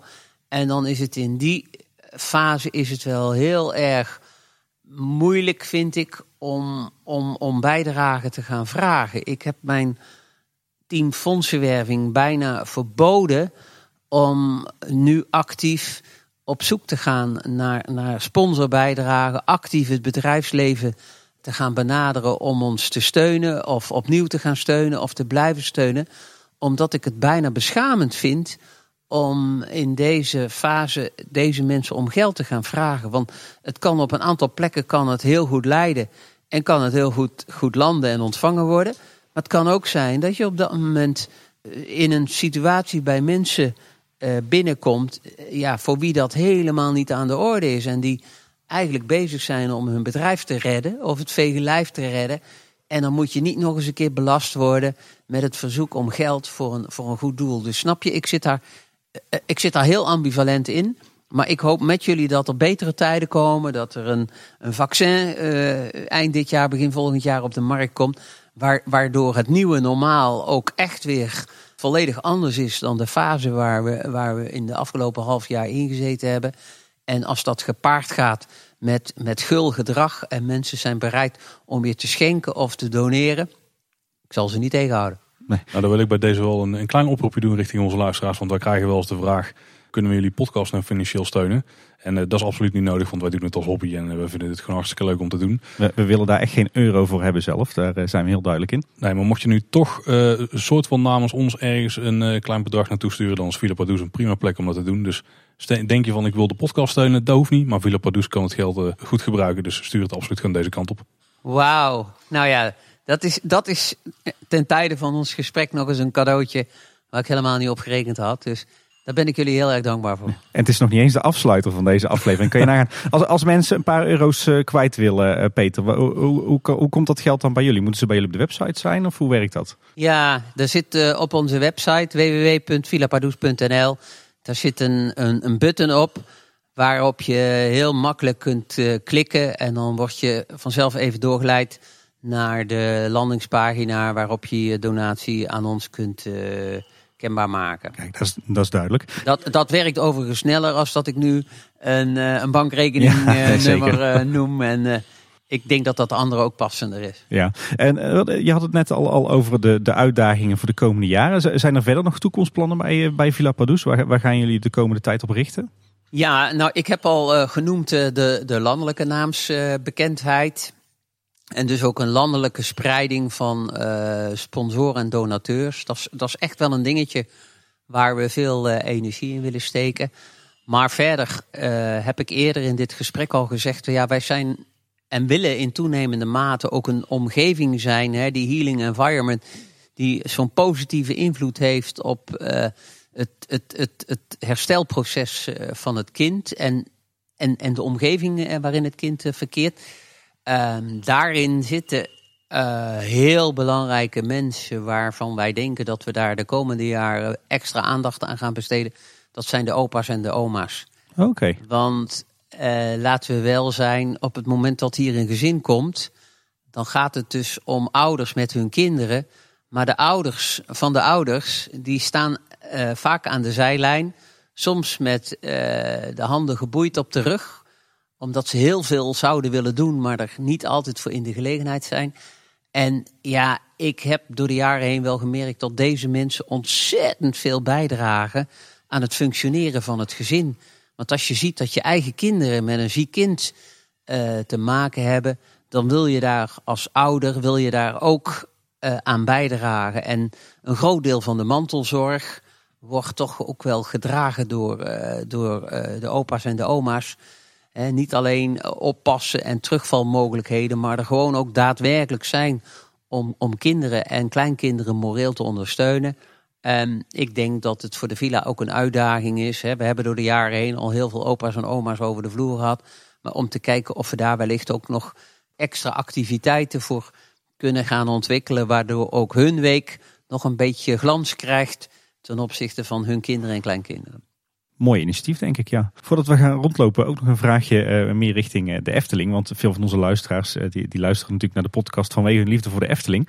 Je hebt al verteld dat Stichting Natuurpark de Efteling eigenaar is van, van, van de grond, van het gebouw. Ze zijn jullie huurbaas, maar aan het eind van het jaar dan storten ze het huurbedrag en een beetje extra weer terug. wat hebben jullie verder nog voor connectie met de stichting? Nou, eigenlijk met, met, met alle BV's. Hè. Dus... Uh, zowel het uh, pretpark, maar ook het hotel, de golfbaan, de vakantiepark, het Loonse Land en Bosrijk. Ja, eigenlijk is deze hele configuratie waarin wij ook huisvest zijn, is voor ons wel een hele prettige omgeving. Hè? Om te beginnen hebben natuurlijk onze gasten hebben onbeperkt toegang tot het attractiepark via het magische poortje wat hier uh, aan de andere kant van de weg zit. En uh, wat dus toegang geeft via onze vrijwilligers tot, uh, tot het park. Maar ook alle medewerkers van de Efteling die op de andere plekken werken, die, die, die kennen ons. En door de jaren heen hebben ze allemaal in een soort estafette hebben ze wel acties voor ons gedaan om ons ook daadwerkelijk en financieel te steunen. Dus de fooiepot van het hotel, uh, het leeghalen van de, de, de vijver op de golfbaan en het verkopen van de, van de verdronken balletjes. Uh, dat zijn allemaal opbrengsten die ook door Efteling-medewerkers door de jaren heen aan ons gegund zijn. En verder werken we gewoon heel erg graag met ze samen op het gebied van veiligheid. Uh, wij lenen wel eens een keer spullen bij ze. En aan de andere kant, als wij eens een keer iets terug kunnen doen voor ze, dan doen we het graag.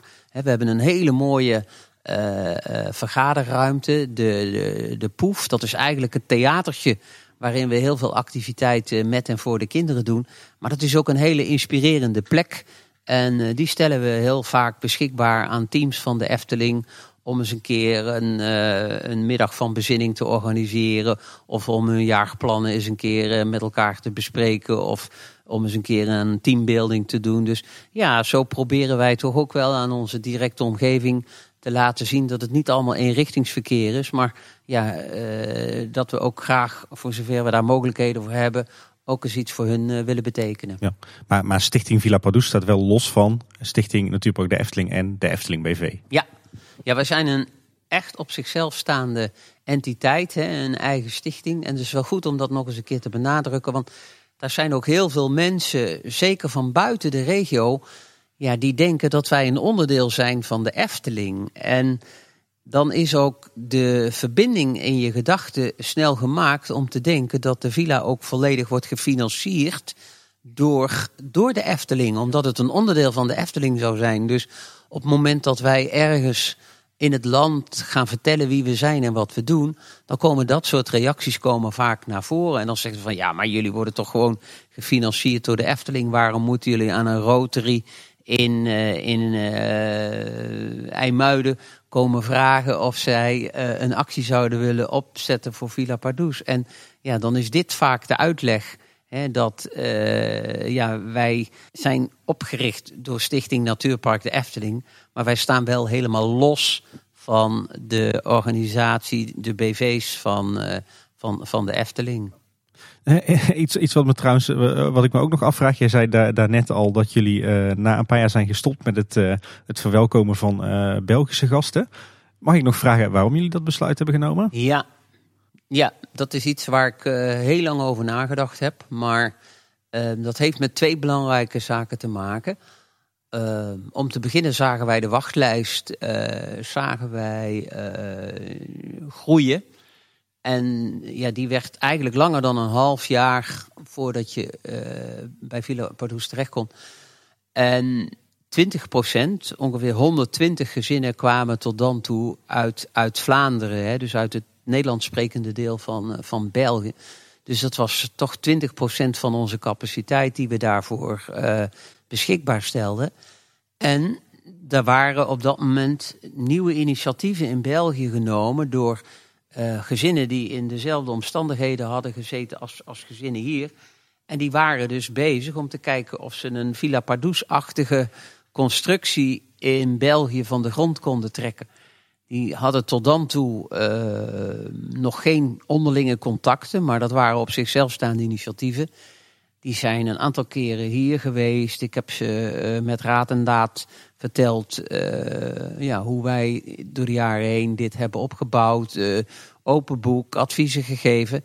En op een gegeven moment dacht ik van god, wat zou het toch sterker zijn als ze die initiatieven, die krachten zouden bundelen en zouden proberen om dit, om dit samen te realiseren. In plaats van iemand aan de Belgische kust en iemand in Belgisch Limburg. En nou ja, om een lang verhaal kort te maken, ik heb die mensen met elkaar in contact gebracht.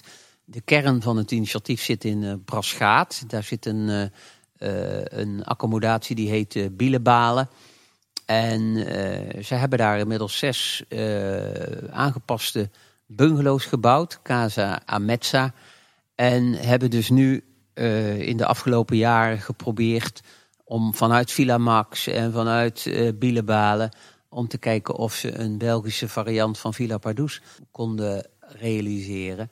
En ik heb gedacht, ja, dat proces wordt alleen maar gestimuleerd en versterkt als wij ophouden met gezinnen uit België uit te nodigen. Want dan is dit een alternatief wat ze geboden wordt. En dat maakt hun ontwikkeling alleen maar uh, sterker. Dus op enig moment hebben we gezegd: we nodigen geen gezinnen meer uit in België, maar we verwijzen ze wel naar, naar dit uh, nieuwe initiatief. En daardoor hebben we ook een stuk van de druk op de wachtlijst voor de Nederlandse gezinnen kunnen wegnemen. Ja, ja. want zijn er zo naast Villa Pardoes en het Belgische initiatief en uh, Give Kids the World in, uh, in Orlando, zijn er zo nog meer van dergelijke vergelijkbare initiatieven in, in Europa? Um, voor zover mij bekend nog één. Dat is een droomhuis wat gerealiseerd is door Portaventura in, uh, in Spanje. Maar die hebben heel veel van dit initiatief uh, afgekeken van Villa Pardoes. Zijn ook hier geweest. En ik heb het geluk gehad dat ik samen met Fons Jurgens was uitgenodigd voor de opening van hun initiatief. Dus dat is heel erg leuk.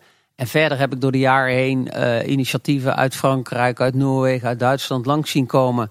Maar, maar niemand is erin geslaagd om het ook echt van de grond te tillen zoals, zoals wij dat uh, in de afgelopen twintig jaar uh, hebben gedaan. Um, dus dat, dat is op zich wel heel bijzonder. En er zijn natuurlijk ontzettend veel doelen actief voor kinderen. Maar de kracht en het onderscheid van Villa Pardoes zit hem vooral in het feit dat wij hebben ons uh, gefocust op een bepaalde leeftijdsgroep. En wij doen het voor het hele gezin. Dus ouders, broertjes, zusjes, iedereen is hier welkom. En die gaan bij ons een week lang in dat dompelbad. Terwijl de activiteiten die er voor kinderen worden georganiseerd, of ze nou mogen vliegen naar de maan, of ze zitten op een felverlichte uh, vrachtwagencombinatie, of ze mogen een keer ballon gaan varen. Ik vind het allemaal prima en ik gun het de kinderen van harte, want het zijn natuurlijk wel wauwmomenten. Maar de, de, de, de inwerktijd en, en het doorwerken en de afdronk van Villa Pardoes is vele malen intenser, omdat je het hier doet voor het hele systeem waar het kind deel van uitmaakt. En ja, dat maakt ons denk ik wel tot een heel bijzonder goed doel. En laten we daarmee eens een rondje gaan lopen door, eh, door de villa. We staan nu buiten bij Villa Pardoes. We zijn bij wijze van spreken net eh, de zeer gekleurde poorten doorkomen lopen. We zien eh, Pardoes daar staan op een, met, met wat ballonnen erachter. Het is wel eens een, een, vraag, een testvraag geweest voor onze quiz hè? Ja, inderdaad. Dit, dit is het, het beeld wat ooit in, volgens mij was het 1997, gebruikt is in de Efteling op verschillende plekken. Voor een, een, jubileumviering van de Efteling. 45 jaar Efteling. Toen verschenen overal die beeldjes van Pardoes in een cadeautje met ballonnen erboven in het park. En een van die exemplaren staat hier nu bij de ingang van Villa Pardoes. Kijk, we staan nu dus voor de ingang. we zien voor ons zien we ja, eigenlijk een, een, berg die is opgebouwd uit dieren. allerlei dieren van, ik denk beton. En dat, is, dat leidt je een beetje naar de ingang. Maar er is nog meer te zien hier buiten, Peter. Ja, dit is uh, onze prachtige tuin waar we nu uh, in staan. En ja, waar jullie ook uh, een aantal plekjes van kunnen zien vanaf de, de, de ingang. Ook bijzonder om te vermelden, want deze tuin die wordt dus onderhouden door, door vrijwilligers. We hebben een, eh, een, eh, een, drietal tuinploegen op maandagochtend, op woensdagochtend en op vrijdagochtend. En ja, die hebben door de jaren heen gemaakt dat de tuin de uitstraling heeft gekregen die die, die, die nu heeft. En ik moet je zeggen, ja goed, we zien hier maar een stukje, maar het is, uh, het is echt een, een plaatje om, uh, om doorheen te lopen. Dus wellicht zien we dadelijk aan de achterkant de rest van de tuin.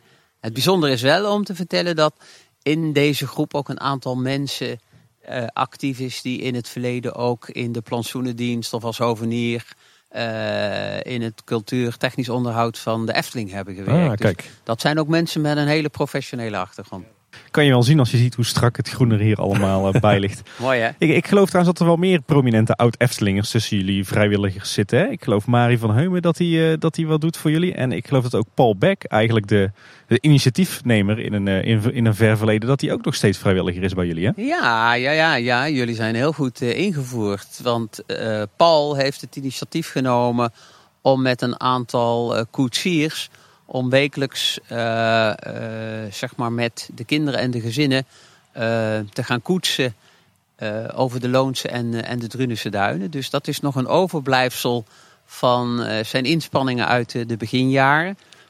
Wim Witloks is heel lang manager sociale zaken geweest. Die is bij ons nog actief en die doet op dit moment de hele personeels- en salarisadministratie voor de vaste medewerkers van de villa als, als vrijwilliger. Uh, Chris Sowala, een uh, medewerkster van de financiële administratie, is vandaag te ons onderscheiden. Al vijf jaar weer actief als vrijwilliger. Dus ja, zo hebben we door de jaren heen nogal wat oud Efteldingers opgenomen in, in ons vrijwilligerskorps. Ja. Even over de plek waar we staan, Peter. Ik zie hier ook een rond gebouw. Dat is ook een bijzonder gebouw, hè? Ja. links, links naast de ingang. Ja, dat is de Poef, zoals we die noemen. Dat is een, een, een theatertje en dat hebben we een aantal jaren geleden uh, mogen bouwen van SNE.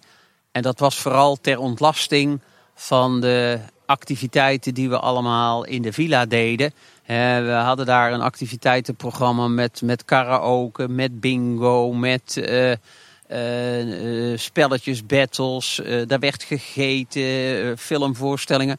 Maar iedere keer moesten daarvoor uh, allerlei aanpassingen gedaan worden in de algemene ruimte. Allemaal nieuwe opstellingen, sjouwen met meubels.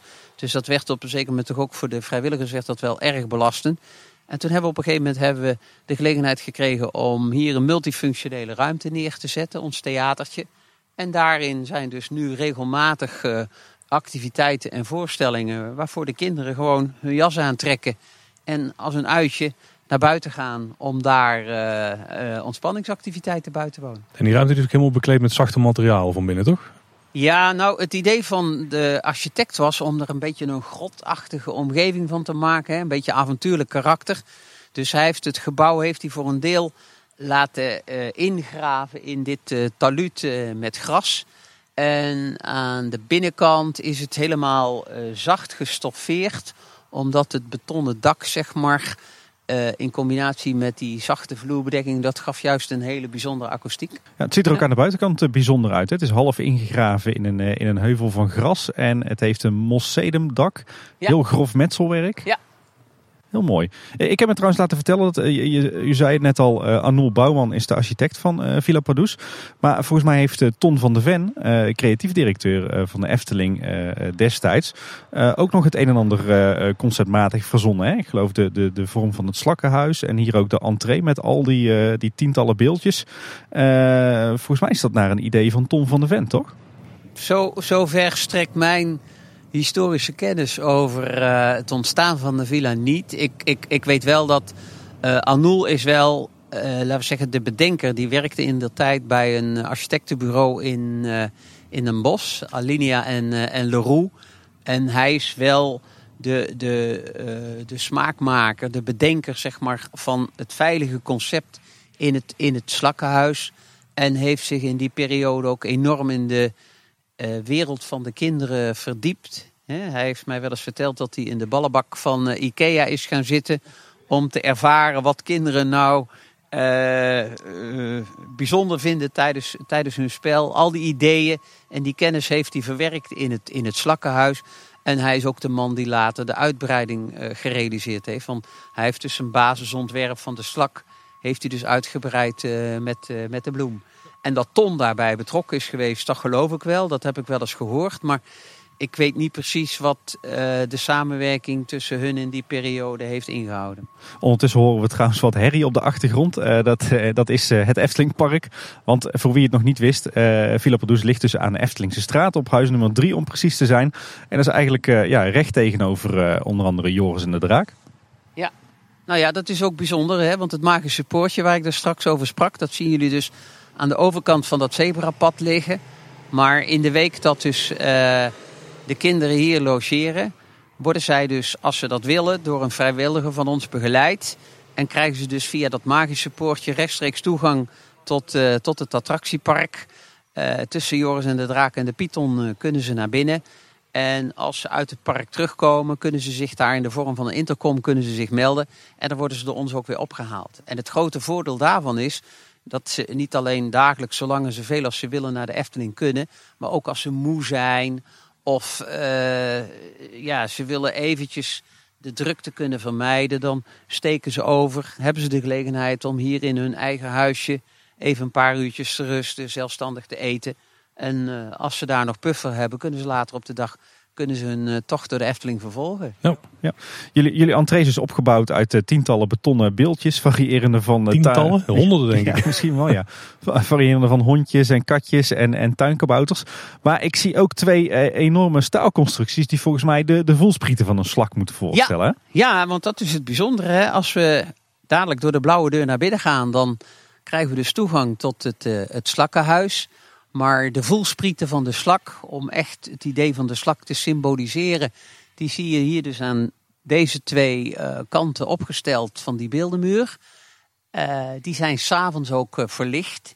En als je dus met een drone of met een ballon over de, over, de villa vaart of vliegt, dan zie je dus ook vanaf de bovenzijde dat het gebouw de vorm heeft van een, van een slakkenhuis. En dat wordt nog eens versterkt, dat beeld, door die twee uh, enorme voelsprieten hier. Mooi statement, ja. Dan gaan we eens binnenkijken. Dan lopen we dus tussen de beeldjes van alle dieren door naar binnen. En dan komen we bij twee grote blauwe deuren. En dan gaan we het slakkenhuis in. Peter, waar, waar komen we nu uit? Ja, nou welkom in het slakkenhuis. Dit is uh, zeg maar de, de gang die aan de buitenzijde van het slakkenhuis uh, ligt. En die helemaal voorzien is van, uh, van planten. Het slakkenhuis uh, heeft in die buitengang een, uh, een glazen dak. Dus dat betekent een grote lichtinval. En alle planten die jullie hier dus zien in deze bakken, die zijn dus ook allemaal echt. En die worden dus onderhouden door onze, onze vrijwilligers. Dus hier begint in feite het overgangsgebied van, van outdoor naar indoor. Waar de huisjes staan is het dak van glas. En uh, tussen ieder blok van twee woningen zit een, een patio, een binnentuin met een grote glazen wand. En dat maakt dat deze binnengang zo'n heel prettig klimaat heeft. Veel licht en warmte wat hier door naar binnen valt. En dat maakt dat als de kinderen, ook de kwetsbare kinderen, hè, die laten we zeggen, uh, ja, toch aan het, aan, het, aan het herstellen zijn, uh, vaak medicijngebruik, uh, willen graag in een behagelijke omgeving kunnen, kunnen zijn. Dat gevoel wordt hier wel versterkt door dit uh, binnen, binnen-buitengebied. Ja, dit is een hele bijzondere ruimte. Het voelt bijna een beetje aan als uh, Burgers Bush. En uh, zoals we dat kennen in Burgers Zoo in Arnhem. Hè. Inderdaad heel veel tropische planten, heel veel palmen. De, de, vloer is volgens mij een gietvloertje met daarin een, een slakkenspoor geprint. Uh, en uh, ik zie een dak van uh, gelamineerde houten balken. in het glas is ook weer een, een beetje een bladerprint verwerkt. Het is echt een hele unieke ruimte dit. Ja, dat is een, een folie. Die zit er dus op dat glas. En die zorgt als het ware dat als de zon daarop staat... dat je dan op de wanden een soort schaduwwerking krijgt. En het bladerdak als het ware ook uh, terugziet op de, op de wanden van de huisjes. Heel mooi, ja. Daar zijn wij fan van, hè? Ja, precies. Ik zie ook nog wat, wat beeldjes van buiten ook weer hier binnen terug. Uh, en ik zie volgens mij uh, het beeld van het, het Witte Paard... wat jarenlang in restaurant Het Witte Paard heeft gestaan in de Efteling. Ja, dat klopt. Dat Witte Paard hebben wij geadopteerd. Dat is een cadeautje van de Efteling.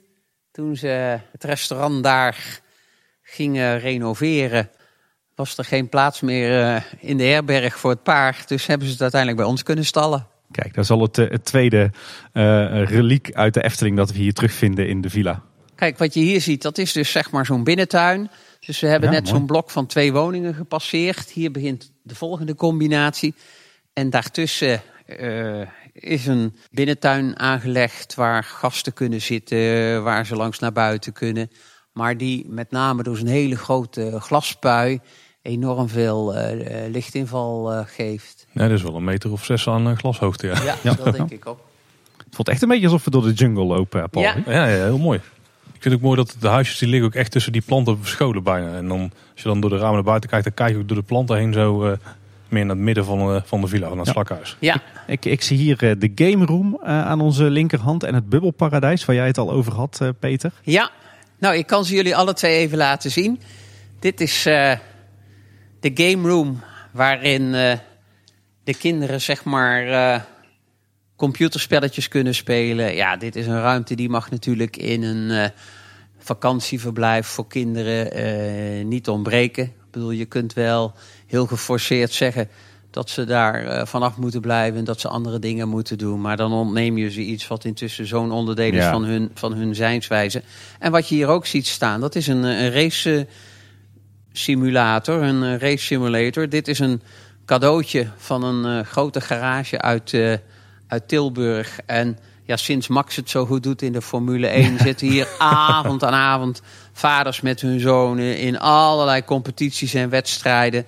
Iedere avond zijn ze met elkaar aan het racen. Ja. Ik kan me voorstellen dat hier echt een, een gezamenlijke activiteit is, het gamen. Ja, ik zie ook lekker veel zitzakken inderdaad. En uh, gewoon ook nog een ouderwetse kast uh, vol met bordspellen. Dus uh, er is hier genoeg te doen. Oh kijk, we komen hier in de, de spa. Zo, de temperatuur vliegt met 20 graden omhoog. oh, wow, ja, dit is wel mooi. Ja, dit is dus het, het bubbelparadijs waar we aangeland zijn. Dit is dus een, een grote whirlpool. Waar het hele gezin s'avonds lekker even een uurtje kan uh, kokoenen. Er staat hier een, uh, er is een mogelijkheid tot het plaatsen van een tillift. En vooral kinderen die dus de hele dag zeg maar in, uh, in een rolstoel hebben gezeten. Ja, die kunnen dan uh, met zo'n tillift kunnen ze dus boven het bad gebracht worden. En dan laten we ze langzaam in het, in het bubbelbad laten we ze zakken. Er zit een groot televisiescherm in de wand verwerkt. Daar kunnen we een filmpje of een concertregistratie op vertonen. Er zit een lichtorgel boven het bubbelbad. dit is een plek, als de ouders liever niet mee het bad ingaan... dan kunnen ze van hieruit kunnen ze dus toezicht houden op, op de kinderen. We kunnen een muziekje draaien. Ja, het is gewoon een hele exotische omgeving. Hè? Wat je hier ziet, dat is een print die is gemaakt van een groot deel van de Great Barrier. Hè, uh, Het rif in de buurt van Australië. Met allemaal tropische vissen, met koralen. En uh, ja, die maken deze ruimte wel tot een hele bijzondere plek. Ja, nou, super chic. Het, het, voelt echt als een, een indoor zwemparadijs. Dat wil ik thuis ook hebben. Ja. ja. super deluxe. Mooie mozaïektegeltjes op de vloer. Dit is echt een hele bijzondere ruimte. Wat me ook opvalt, ook hoge klinken. Natuurlijk ook, heel, ook weer voor het veilige gevoel voor de ouders. En dan lopen we weer terug het, uh, het slakkenhuis in, hè? zo moet ik dat toch zien, Peter? Ja, dit is uh, zeg maar de, uh, de buitengang. En de huisjes liggen ook allemaal aan de buitenzijde van het slakkenhuis. He, dat heeft vooral tot doel dat ze allemaal zicht hebben op groen. Ja. Maar ook om hun privacy zeg maar, te versterken. En op het moment dat zeg maar de voordeuren van de huisjes geven toegang tot, tot deze gang op het moment dat ze uh, vanuit hun huisjes deze gang instappen, dan komen ze dus zeg maar in de openbare ruimte in het, in het verkeersgebied. Ja, ik zie hier ook een, eh, een enorme knutselruimte. Ja, dat is uh, een van de voorzieningen die we hebben kunnen realiseren bij de uitbreiding uh, ruim vijf jaar geleden.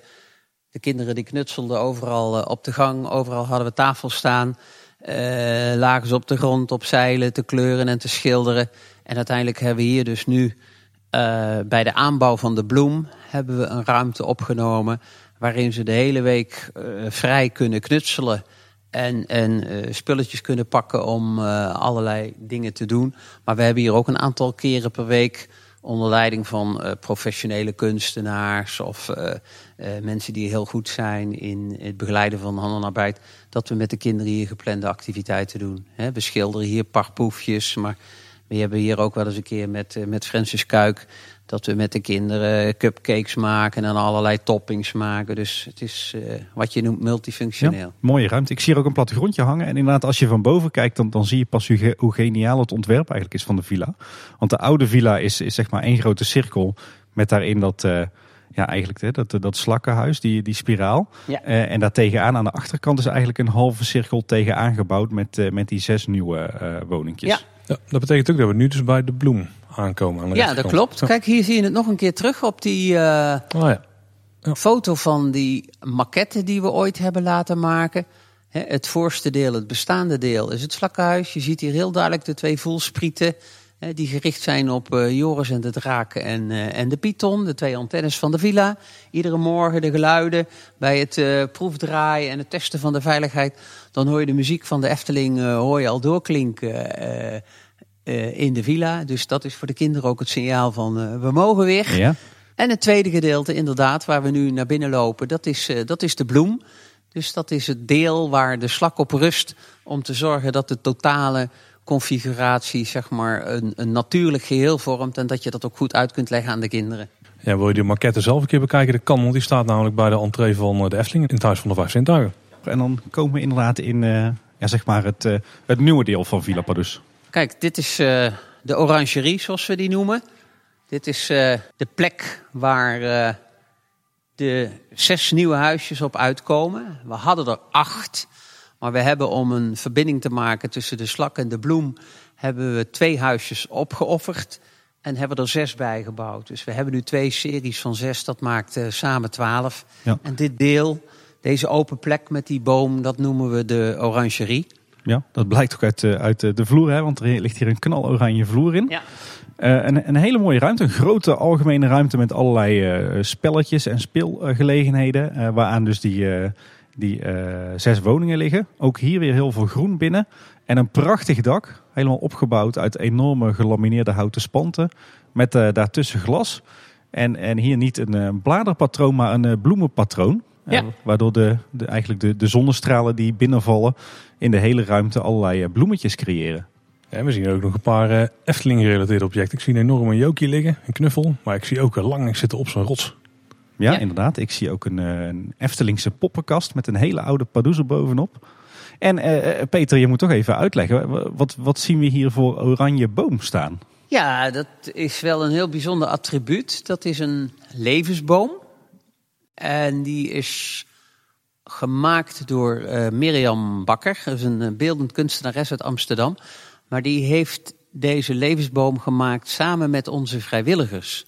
Hij is uh, opgetrokken van allemaal kunststof afvalmateriaal in de kleur rood, oranje, geel, zeg maar. Dus de boom heeft een overwegend oranje uitstraling. En dat zijn allemaal uh, uh, afvalattributen die maandenlang door onze vrijwilligers verzameld zijn. En samen met Mirjam hebben ze daar dus deze boom van gemaakt. Hij is uh, 7 meter hoog en hij is 7 meter breed. Dus het is ja. nogal een, uh, ja. een, uh, een behoorlijk kunstwerk. Schitterend, ja. Heel mooi. Ik ben inderdaad wel benieuwd hoe zo'n zo'n woning eruit ziet. Nou, we hebben dus alle huisjes hebben een naam gegeven, een thema. Um, in principe zijn ze universeel. Uh, dat wil zeggen, uh, je kunt er zowel jongens als meisjes in laten logeren. We hebben echter vanuit het verleden nog één meisjeshuisje, huisje Barbie. Hè, waar we uh, vooral gezinnen met, met, met jonge meiden in laten logeren. En we hebben één huisje Ridder. Dus dat is speciaal voor, voor jongens. Maar het is wel lastig voor ons om altijd te plannen op, uh, op het geslacht van de kinderen. Ja. Dus vandaar dat we daar op een zeker moment mee opgehouden zijn. Maar waar we nu naar binnen lopen, dat is, uh, dat is Huisje Ridder. Oh, dit is echt een, uh, een forse woning. Ja, het, is, het zijn echt grote vakantiehuizen, eensgezinswoningen. En ja, wij horen wel eens terug van mensen die hier een week logeren... dat ze in een grotere omgeving wonen dan, dan thuis. Ja, dat snap nee, ik. Kan ik me voorstellen. Je, je, je, moet hier echt niet denken aan een, een standaard Centerparks bungalow. Maar dit is inderdaad gewoon echt een, een volwaardige, riante eensgezinswoning. Ja. ja, je komt eigenlijk binnen in de keuken. Er is dan een tafel waar je met zeg maar makkelijk kunt zitten. Uh, en de keuken die kijkt dan eigenlijk de woonkamer in. Het blok staat dus eigenlijk midden in de, in de ruimte. En dan heb je ook een grote bank met dan nog een, een heel knus zitje eigenlijk langs de tv uh, gemaakt. Dat is echt heel tof. Ja, de keuken zelf is zo te zien ook van alle gemakken voorzien. Hè? Gewoon een kookplaat, oventje, koelkast, alles erop en eraan. Dus, dus mensen die hier te gast zijn, Peter, die, die koken ook hun eigen avondmaaltijd zo nu en dan. Um, ja, wij beginnen dus de vrijdagavond altijd wel met een welkomstbuffet. Mm -hmm. Maandagochtend ontbijten we gezamenlijk. Maar de rest van de maaltijden die uh, maken de gezinnen dus zelf. Vandaar dat ze ook uh, de beschikking hebben over een compleet ingerichte keuken met een inductiekookplaat, met een vaatwasser, met een koelkast. En nou ja, dat heeft uh, twee belangrijke redenen. Om te beginnen is het zo dat als ze voor hun eigen gezin koken, dan kunnen ze dus koken zoals ze dat ook thuis doen. En ook rekening houden met het zieke kind voor eventueel een dieet of zondevoeding of geen fastfood. Of nou ja, dat is iets wat zeg maar toch de vrijheid van de ouders dan uh, uh, stimuleert. En een ander punt is dat als je dus op een vast moment op de dag een gezamenlijke maaltijd wil aanbieden, dan haal je ook de dynamiek uit een dag. Dan moet iedereen op hetzelfde tijdstip terug in de villa zijn. En ja, afhankelijk van het seizoen, uh, soms uh, lange zomeravonden buiten barbecue. Weet je, dan moet je mensen ook de vrijheid geven om dat uh, naar eigen inzicht te, kunnen doen. Heel begrijpelijk. De woning is ook helemaal gethematiseerd. Hè? Ze hebben allemaal volgens mij een, een eigen kleur, kleurenpalet. Ja. En ik zie hier ook het is de, de, de, de woning Ridder. Ik zie hier ook wat muurschilderingen met ridders te paard. Ik zie hier wat van die uh, typische middeleeuwse gordijnen hangen. Het, het, is, het, is, allemaal lichtjes gethematiseerd. Het overheerst niet, maar het, het, heeft wel echt een sausje gekregen. Ja, nou ja, we willen proberen de kinderen hier toch een beetje te verleiden, hè, in vervoering te brengen. En ja, hun mindset te veranderen. De gedachte erachter is dat deze omgeving, hij is kleurrijk, hij is sfeervol, maar hij moet op geen enkele manier aan een ziekenhuisomgeving doen herinneren. Nee. He, deze kinderen zijn natuurlijk toch uit en thuis in de, in de kinderziekenhuizen, of het nou het Sophia kinderziekenhuis is, of het Emma kinderziekenhuis, of het Juliana, of het Maxima in, in Utrecht. Maar hier moeten ze in een vakantieomgeving komen. Waarbij dat ziekenhuis voor hun ook heel erg ver weg is. En dat gevoel versterk je natuurlijk door, door het op deze manier aan te kleden en eh, in te richten. Ieder huisje heeft uh, drie slaapkamers. Een slaapkamer die gethematiseerd is voor het zieke kind. Dan een uh, slaapkamer voor uh, de broertjes, de zusjes, vriendjes, vriendinnetjes, opa en oma. Daar zit een, een badkamer in. Met alle voorzieningen om het kindje, ook als het een beperking heeft of rolstoelafhankelijk is, om het hier goed te kunnen verzorgen. Alles is makkelijk toegankelijk.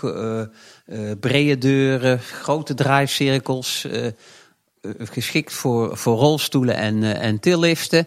Het, is, het zijn allemaal schuifdeuren ook, viel mij al op. Ja, ja dat is natuurlijk ook om het huisje helemaal toegankelijk te maken voor minder valide. Er zitten twee toiletten in en boven is er nog een, een master bedroom. He, de mensen zijn vrij om het huisje in te delen zoals ze dat zelf graag willen. Maar meestal maken de ouders maken gebruik van de bovenslaapkamer. En blijven de kindjes uh, in de slaapkamers op de begane grond. En ik zie ook dat ze altijd de tuin in kunnen. Ieder ja. appartement heeft tuindeuren. Ja, ieder huis heeft inderdaad een, uh, een schuifpui met een eigen terrasje. Hè, waardoor ze ook een stukje privacy hebben in het, uh, in het buitengebied. Maar ze kunnen wel van hier uit de tuin en de speeltuin in. En dat is ook wel fijn. Ja, heel belangrijk. Ja. ja. Ik ben behoorlijk onder de indruk, Peter, van hoe ongelooflijk groot en luxe deze vakantiewoningen zijn. Ja. Nou ja, we kunnen nog even naar boven lopen. Dan kunnen jullie ook nog even een blik werpen in de master bedroom. Nou, het is natuurlijk fijn dat mensen in zo'n week ook wel letterlijk de ruimte hebben en ieder een eigen vertrek. En goed, dit is dan de slaapkamer die in de meeste gevallen door de ouders wordt gebruikt, maar waarbij ze ook de mogelijkheid hebben om aan het eind van de dag ook even zelf tot rust te kunnen komen. Hè. Hier hangt nog een televisie, s'avonds nog eens even kijken naar, naar, naar, naar of naar... Uh, op één, uh, de gelegenheid om hier even rustig te zitten en een boek te lezen. Dit is een room divider die de ruimte een klein beetje breekt. En wat in de praktijk wel eens voorkomt, hè, de gezinnen zijn hier welkom met zes personen. Maar als ze nog een klein kindje hebben, of ze hebben toevallig wat meer kinderen, ja, dan zetten we hier dikwijls nog een ledikantje of een bedje Oh, zetten we bij. En dan uh, kunnen ze met z'n zevende gebruik maken van de woning. Ja. ja, als ik zeg dat het een riante slaapkamer is, dan druk ik me nog heel zacht uit. eh. Ja, er zijn hotelkamers die eh, stukken kleiner zijn dan dit. ja. Nou, voor ons is het belangrijk dat iedereen het hier goed heeft. En we hebben ook wel eens hele grote gezinnen, hè, met, met zeven, acht, negen kinderen. Nou, daar zetten we twee woningen in. Weet je, wij zijn geen commerciële organisatie, wij hoeven er niet aan te verdienen. Dus op het moment dat het om een hele groot, uh, om een groot gezin gaat, ja, dan bieden we ze graag twee woningen aan, zodat ze toch uh, uh, voldoende ruimte hebben die week om gewoon prettig te kunnen verblijven. Ja, en als je dan inderdaad de woning weer verlaat, ook echt al via een serieuze voordeur, om het zo maar te noemen, dan kom je inderdaad weer in die grote, die grote algemene ruimte waar de kinderen dus lekker kunnen spelen. Ja, en hier hebben we ook vaak uh, wat grootschaligere activiteiten. Hè? Dat we zeggen van god, uh, op maandagochtend hebben we altijd bezoek van onze twee karakters, hè? Pardoes en uh, ons nieuwe karakter, de slak, Pierre Escargot. Ja, leuk. Dan komt Pierre komt zijn vriend Pardoes voorstellen aan de kinderen. En dan maken we hier fotoshoots. En ja, dan is er ook voor de kinderen gelegenheid om contact te maken met, met onze karakters. En ja, dat zijn wel de hoogtepunten van een week. Ja, ik zie hier inderdaad de, de, de zes, de zes uh, woningen. Inderdaad, het thema Barbie, die is natuurlijk helemaal roze. Zeeschat, dat is de blauwe woning. Beestenboel zie ik, regenboog. Uh, Wonderland en uh, Ridder, inderdaad, waar we net waren. En, en als we dan, want dan hebben we, komen we hier in de doorgang naar het oude gedeelte van, van de villa, om het zo maar te noemen. En dan zie ik hier links en rechts twee mooie ruimtes. Rechts het snoezelparadijs en links de chillruimte. Oh. Nooit gedacht, Paul, dat ik in drie jaar kleine, na drie jaar kleine boodschap met jou een snoezelruimte in zou Nou. stappen. Ja, dit is heel bijzonder. Dit is dus een, een plek waar we kinderen kunnen laten snoezelen, zoals dat heet. Dus ze worden hier zeg maar helemaal geobsedeerd, uh, afgeleid door, door geluiden, door kleuren. En die kunnen ze ook voor een deel kunnen ze die zelf bedienen. He, dus die cilinders met die uh, uh, bubbels, die kunnen ze van kleur laten veranderen. Daar zit een veelkleurig aquarium waar ze in kunnen kijken. Dit is een warm waterbed waar ze Oh. op kunnen liggen. En ja, deze ruimte die wordt vooral ingezet voor kinderen met hersenbeschadigingen, met verstandelijke beperkingen. Want die worden dan vooral zintuigelijk, zoals we dat noemen, worden ze hier uh, geprikkeld en komen ze zeg maar uh, in, een, in een gemoedstoestand dat ze heel, heel relaxed en heel ontspannen zijn. En deze ruimte die staat in verbinding met een, uh, een huiskamer voor, uh, voor de ouders. Dus oh, ja, dit is de plek waar, waar vaders, moeders even een kopje koffie kunnen drinken of even een praatje kunnen maken terwijl hun kinderen liggen te snoezelen. Maar deze ruimte wordt s'avonds ook heel vaak en intensief gebruikt als gespreksruimte. dus hier ontmoeten de ouders elkaar als de kinderen in bed liggen. En nou ja, die sluiten hier met elkaar de dag af door nog eens even te reflecteren op ja, wat het hebben van zo'n zo'n ziek kind binnen je gezin, wat dat voor impact heeft op het functioneren van je gezin, maar ook op het functioneren van jouw relatie. Ja. En deze mensen leren van en aan elkaar. Ja, ja. mooie ruimte ook. Ik zie inderdaad uh, een paar mooie loungebanken, een open haartje. Ja, een hele relaxte ruimte. Met overigens ook uh, uh, kunststof boeken in de kast. volgens mij ook door de Efteling gemaakt. Hè? Want dit zijn wel die typische Efteling... sprookjesboeken? Sprookjesboeken, ja. ja. En hebben we ook nog de chillruimte. Ja, de chillruimte is eigenlijk een helemaal gestoffeerde ruimte. Met aan, aan één lange kant, één, één lange wand, een enorme loungebank eigenlijk. Hè? Ja, en een grote tv erin. Kun je natuurlijk echt chillen. Dit lijkt me ook een, een prettige ruimte voor de wat oudere kinderen. Ja, dat is het. Hè. Kijk, als je kinderen in je gezin hebt van 14, 15, 16... Ja, die kun je natuurlijk niet een hele week alleen thuis achterlaten. Dus uh, die komen mee. Daar is de Efteling natuurlijk ook wel een hele mooie plek voor... om daar een aantal keren naartoe te kunnen. Maar ja, als ze s'avonds in de villa zijn, dan is dit de plek, uh, de hangplek hè, waar ze elkaar uh, ontmoeten. Veel stopcontacten waar hun tablets en ja. hun uh, iPhones in kunnen. Niet onbelangrijk. En ze kunnen zich hier ook even terugtrekken. En dat is ook belangrijk. Ja, het is echt voor het betere bank hangen. Ja. Ja, dan keren we via zo'n zo'n dubbele branddeur weer terug in het, de, het, het, oude deel van Villa Padus, zeg maar. Al doen we het daar een beetje mee tekort. En dan komen we in de centrale ruimte uit, hè? Eigenlijk het, het hart van het slakkenhuis, uh, toch Peter? Ja, ja, dit is onze picknickplaats, uh, zoals we dat noemen. En ja, die heeft inmiddels een, uh, een, vaste opstelling. Daar staat in het midden staat een, een hele mooie boom. Hij doet een beetje denken aan, aan de sprookjesboom die ook in het attractiepark staat. Ja, die moeten we even toelichten, want het is inderdaad het is een, een het, het, is natuurlijk geen echte boom, het is een, een namaakboom, maar de schors is, ziet er wel bijzonder levensecht uit. Het doet me denken aan het, eh, het Sompenwoud eh, in, eh, in Droomvlucht. Ja, zeker. Ja. En om die boom heen, of eigenlijk in die boom, vinden we ook een aantal originele Efteling karakters. We zien het eekhoorntje, de haas en de specht zoals we die ook kennen van de Sprookjesboom in het Sprookjesbos. En een heus geitje Benjamin. Ja.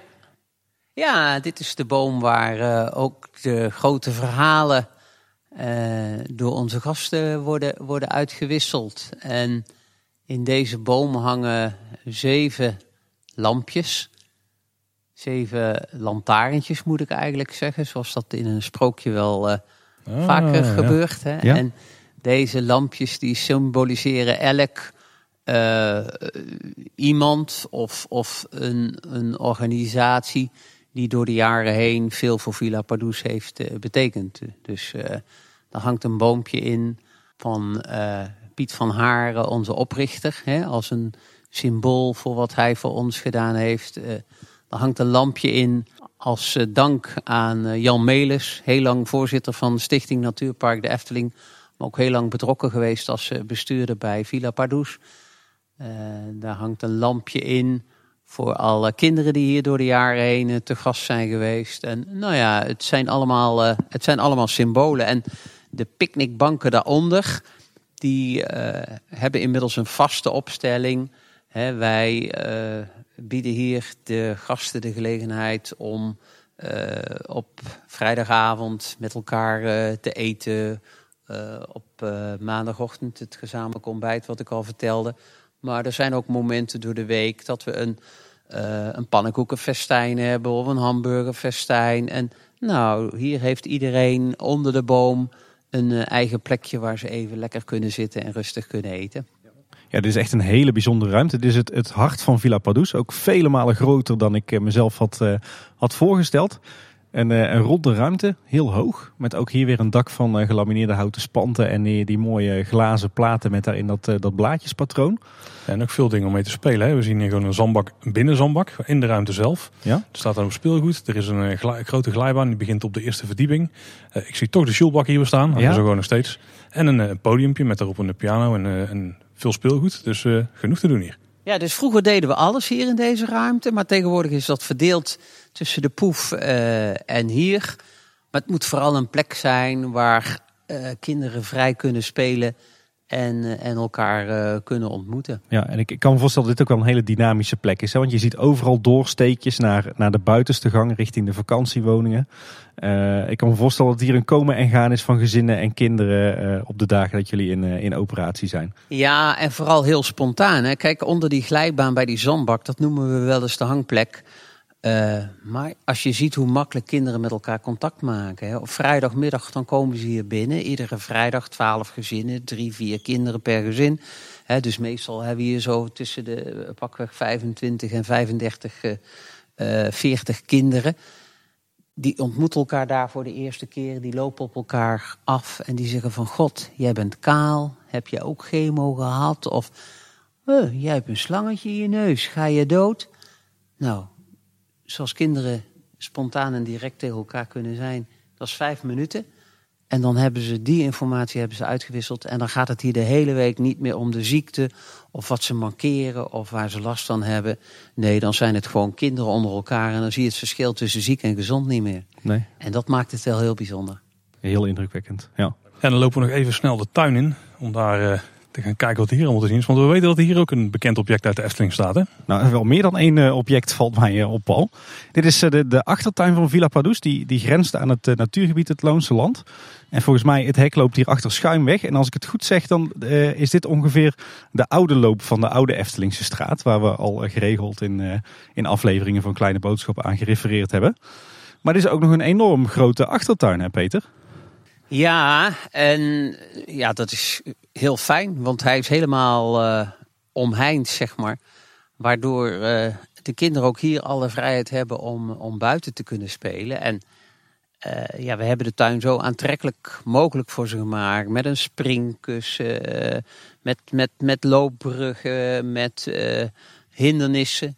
Waardoor het ook zowel voor kinderen individueel als ook voor, voor groepen gewoon leuk is om hier ook activiteiten te organiseren. Er komen hier regelmatig bedrijven, uh, sponsoren van ons, die komen met de kinderen uh, leuke dingen doen, zeggen we dan altijd. Hè? Een Vlaamse kermis of een spelletjesbattle.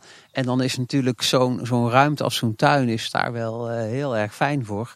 Achterin staat een, een kiosk. Die heeft een, een dak als een hooimeid. Dat kun, je, dat kun je laten zakken. Maar daar hebben we in de zomeravonden regelmatig uh, kampvuur. Daar komt uh, Cowboy Billy komt langs met zijn gitaar. Daar worden marshmallows worden daar geroosterd. we hebben daar nog een oud fortje staan. wat inmiddels een plek is waar ouders met kinderen vaak fotoshoots maken. En het belangrijkste is dat deze tuin is, is veilig.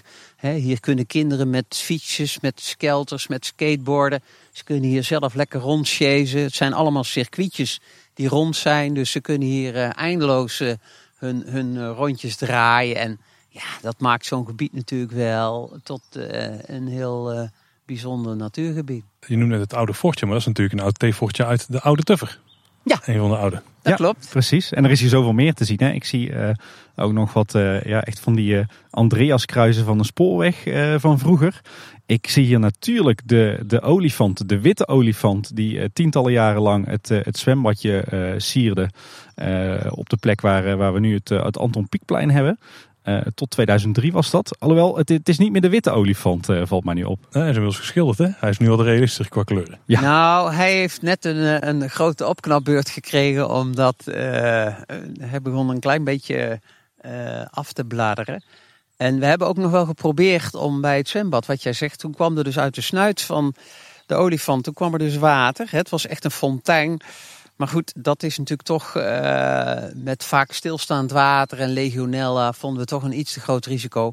Dus we hebben hem nu gewoon een mooie plek gegeven op deze uh, savanne tussen het, uh, het steppengras. En hij, hij ziet als een heel bijzonder object ziet hij toe op de rust en op de enorme sfeer die Villa Pardoes aan, aan de kinderen biedt in de tijd dat ze bij ons zijn. Ja, want het is wel echt de originele olifant van het Efteling Kinderbad uh, dat uh, tussen 1954 en 2003 het, uh, het park heeft, heeft gesierd. De enige echte. Kijk. Ik zie ook nog een, een groot springkussen inderdaad, een insectenhotel, een heel aantal terrasjes. er valt hier echt van alles te doen. En, en trouwens sowieso is de, de buitenkant van ook hier de, de nieuwbouw van Villa Padus is ook een plaatje. Hè, met ook weer die volsprieten aan de buitenkant. Mooie schilderingen op de muur, heel kleurrijk. De daken vormen de, de blaadjes van de bloem als je er bovenaf opkijkt. En die ornamenten die eraan zitten, dat zijn de meeldraden en de stampers. Heel mooi. Hoe mooi kun je het hebben. Dank voor jullie komst en ook voor de enthousiaste manier waarop jullie met mij deze rondgang uh, hebben gemaakt. Het was vandaag een, uh, een kleine boodschap, maar met enorm veel plezier gebracht. Ja, nou ik moet zeggen Peter, uh, ontzettend bedankt voor, uh, voor alle verhalen en voor de gastvrijheid. Ik ben ontzettend onder de indruk. Onder de indruk van uh, hoe groot Villa Produce eigenlijk is. Uh, de architectuur, maar vooral van jouw verhalen over de gezinnen en de kindjes die hier iedere week weer welkom worden geheten, normaal gesproken. Dat, dat raakt mij wel en ik verwacht onze luisteraars ook. Ja, nogmaals luisteraars, wil je nou een steentje bijdragen? Dat kan dus door naar eh, de website van Villa Paloes te gaan, villapaloes.nl. En uh, mocht je ons ooit financieel willen steunen, het hoeft dus niet. Maar Villa Paloes die kan het geld uh, hard gebruiken. Dus uh, geef dan hun een steuntje in de rug en dan mag je eventueel ons vermelden als dat kan. Ja, en ja goed, weet je, je luistert nu al drie jaar lang gratis en voor niets naar Kleine Boodschap. als je dan toch wat terug wil doen, doe dat dan inderdaad voor Villa Paloes. Want ze verdienen het absoluut. Wij willen jullie geld niet en Villa Paloes heeft het hard nodig. Dus ik denk een een mooi advies vanuit onze kant, toch Paul, zo rond de feestdagen. Zeker, zeker. Uh, Peter, nogmaals bedankt voor jouw uh, rondleiding en voor jouw uh, kennis en verhalen. luisteraars, hebben jullie nou nog vragen aan ons? Wil je nog iets meer weten? Misschien wat zaken die wij later nog kunnen oppikken over Villa Padus? Dan kun je die op heel veel verschillende manieren bij ons krijgen. Ik denk dat Twitter nog steeds het makkelijkst is. Daar zijn we Edka Boodschap. Ja, en we zitten ook op Facebook en Instagram als Kleine Boodschap. En we hebben uiteraard ook een website, kleineboodschap.com. Daar kun je alle afleveringen vinden. Daar plaatsen we ook altijd linkjes eh, in, voor dus de show notes. Er zullen ook wat linkjes naar Villa Produce uh, in plaatsen, dus die kun je dan daar vinden. Uh, maar er staat ook een contactformuliertje en dan uh, kun je daar ook vragen kwijt. Of je mailt ons gewoon naar info.kleineboodschap.com. Ja, en je luistert ons in alle podcast-apps en op Spotify. En luister je ons nou op een, in iTunes, dan kan je daar ook een, een rating of een review achterlaten. En dat vinden we ook altijd hartstikke leuk als je dat doet. Zeker. Dat was in ieder geval voor deze week. Hartstikke bedankt voor het luisteren. Tot de volgende keer. En houdoe. Houdoe war. Kleine boodschap, heren. Groot genoegen. Dank jullie wel.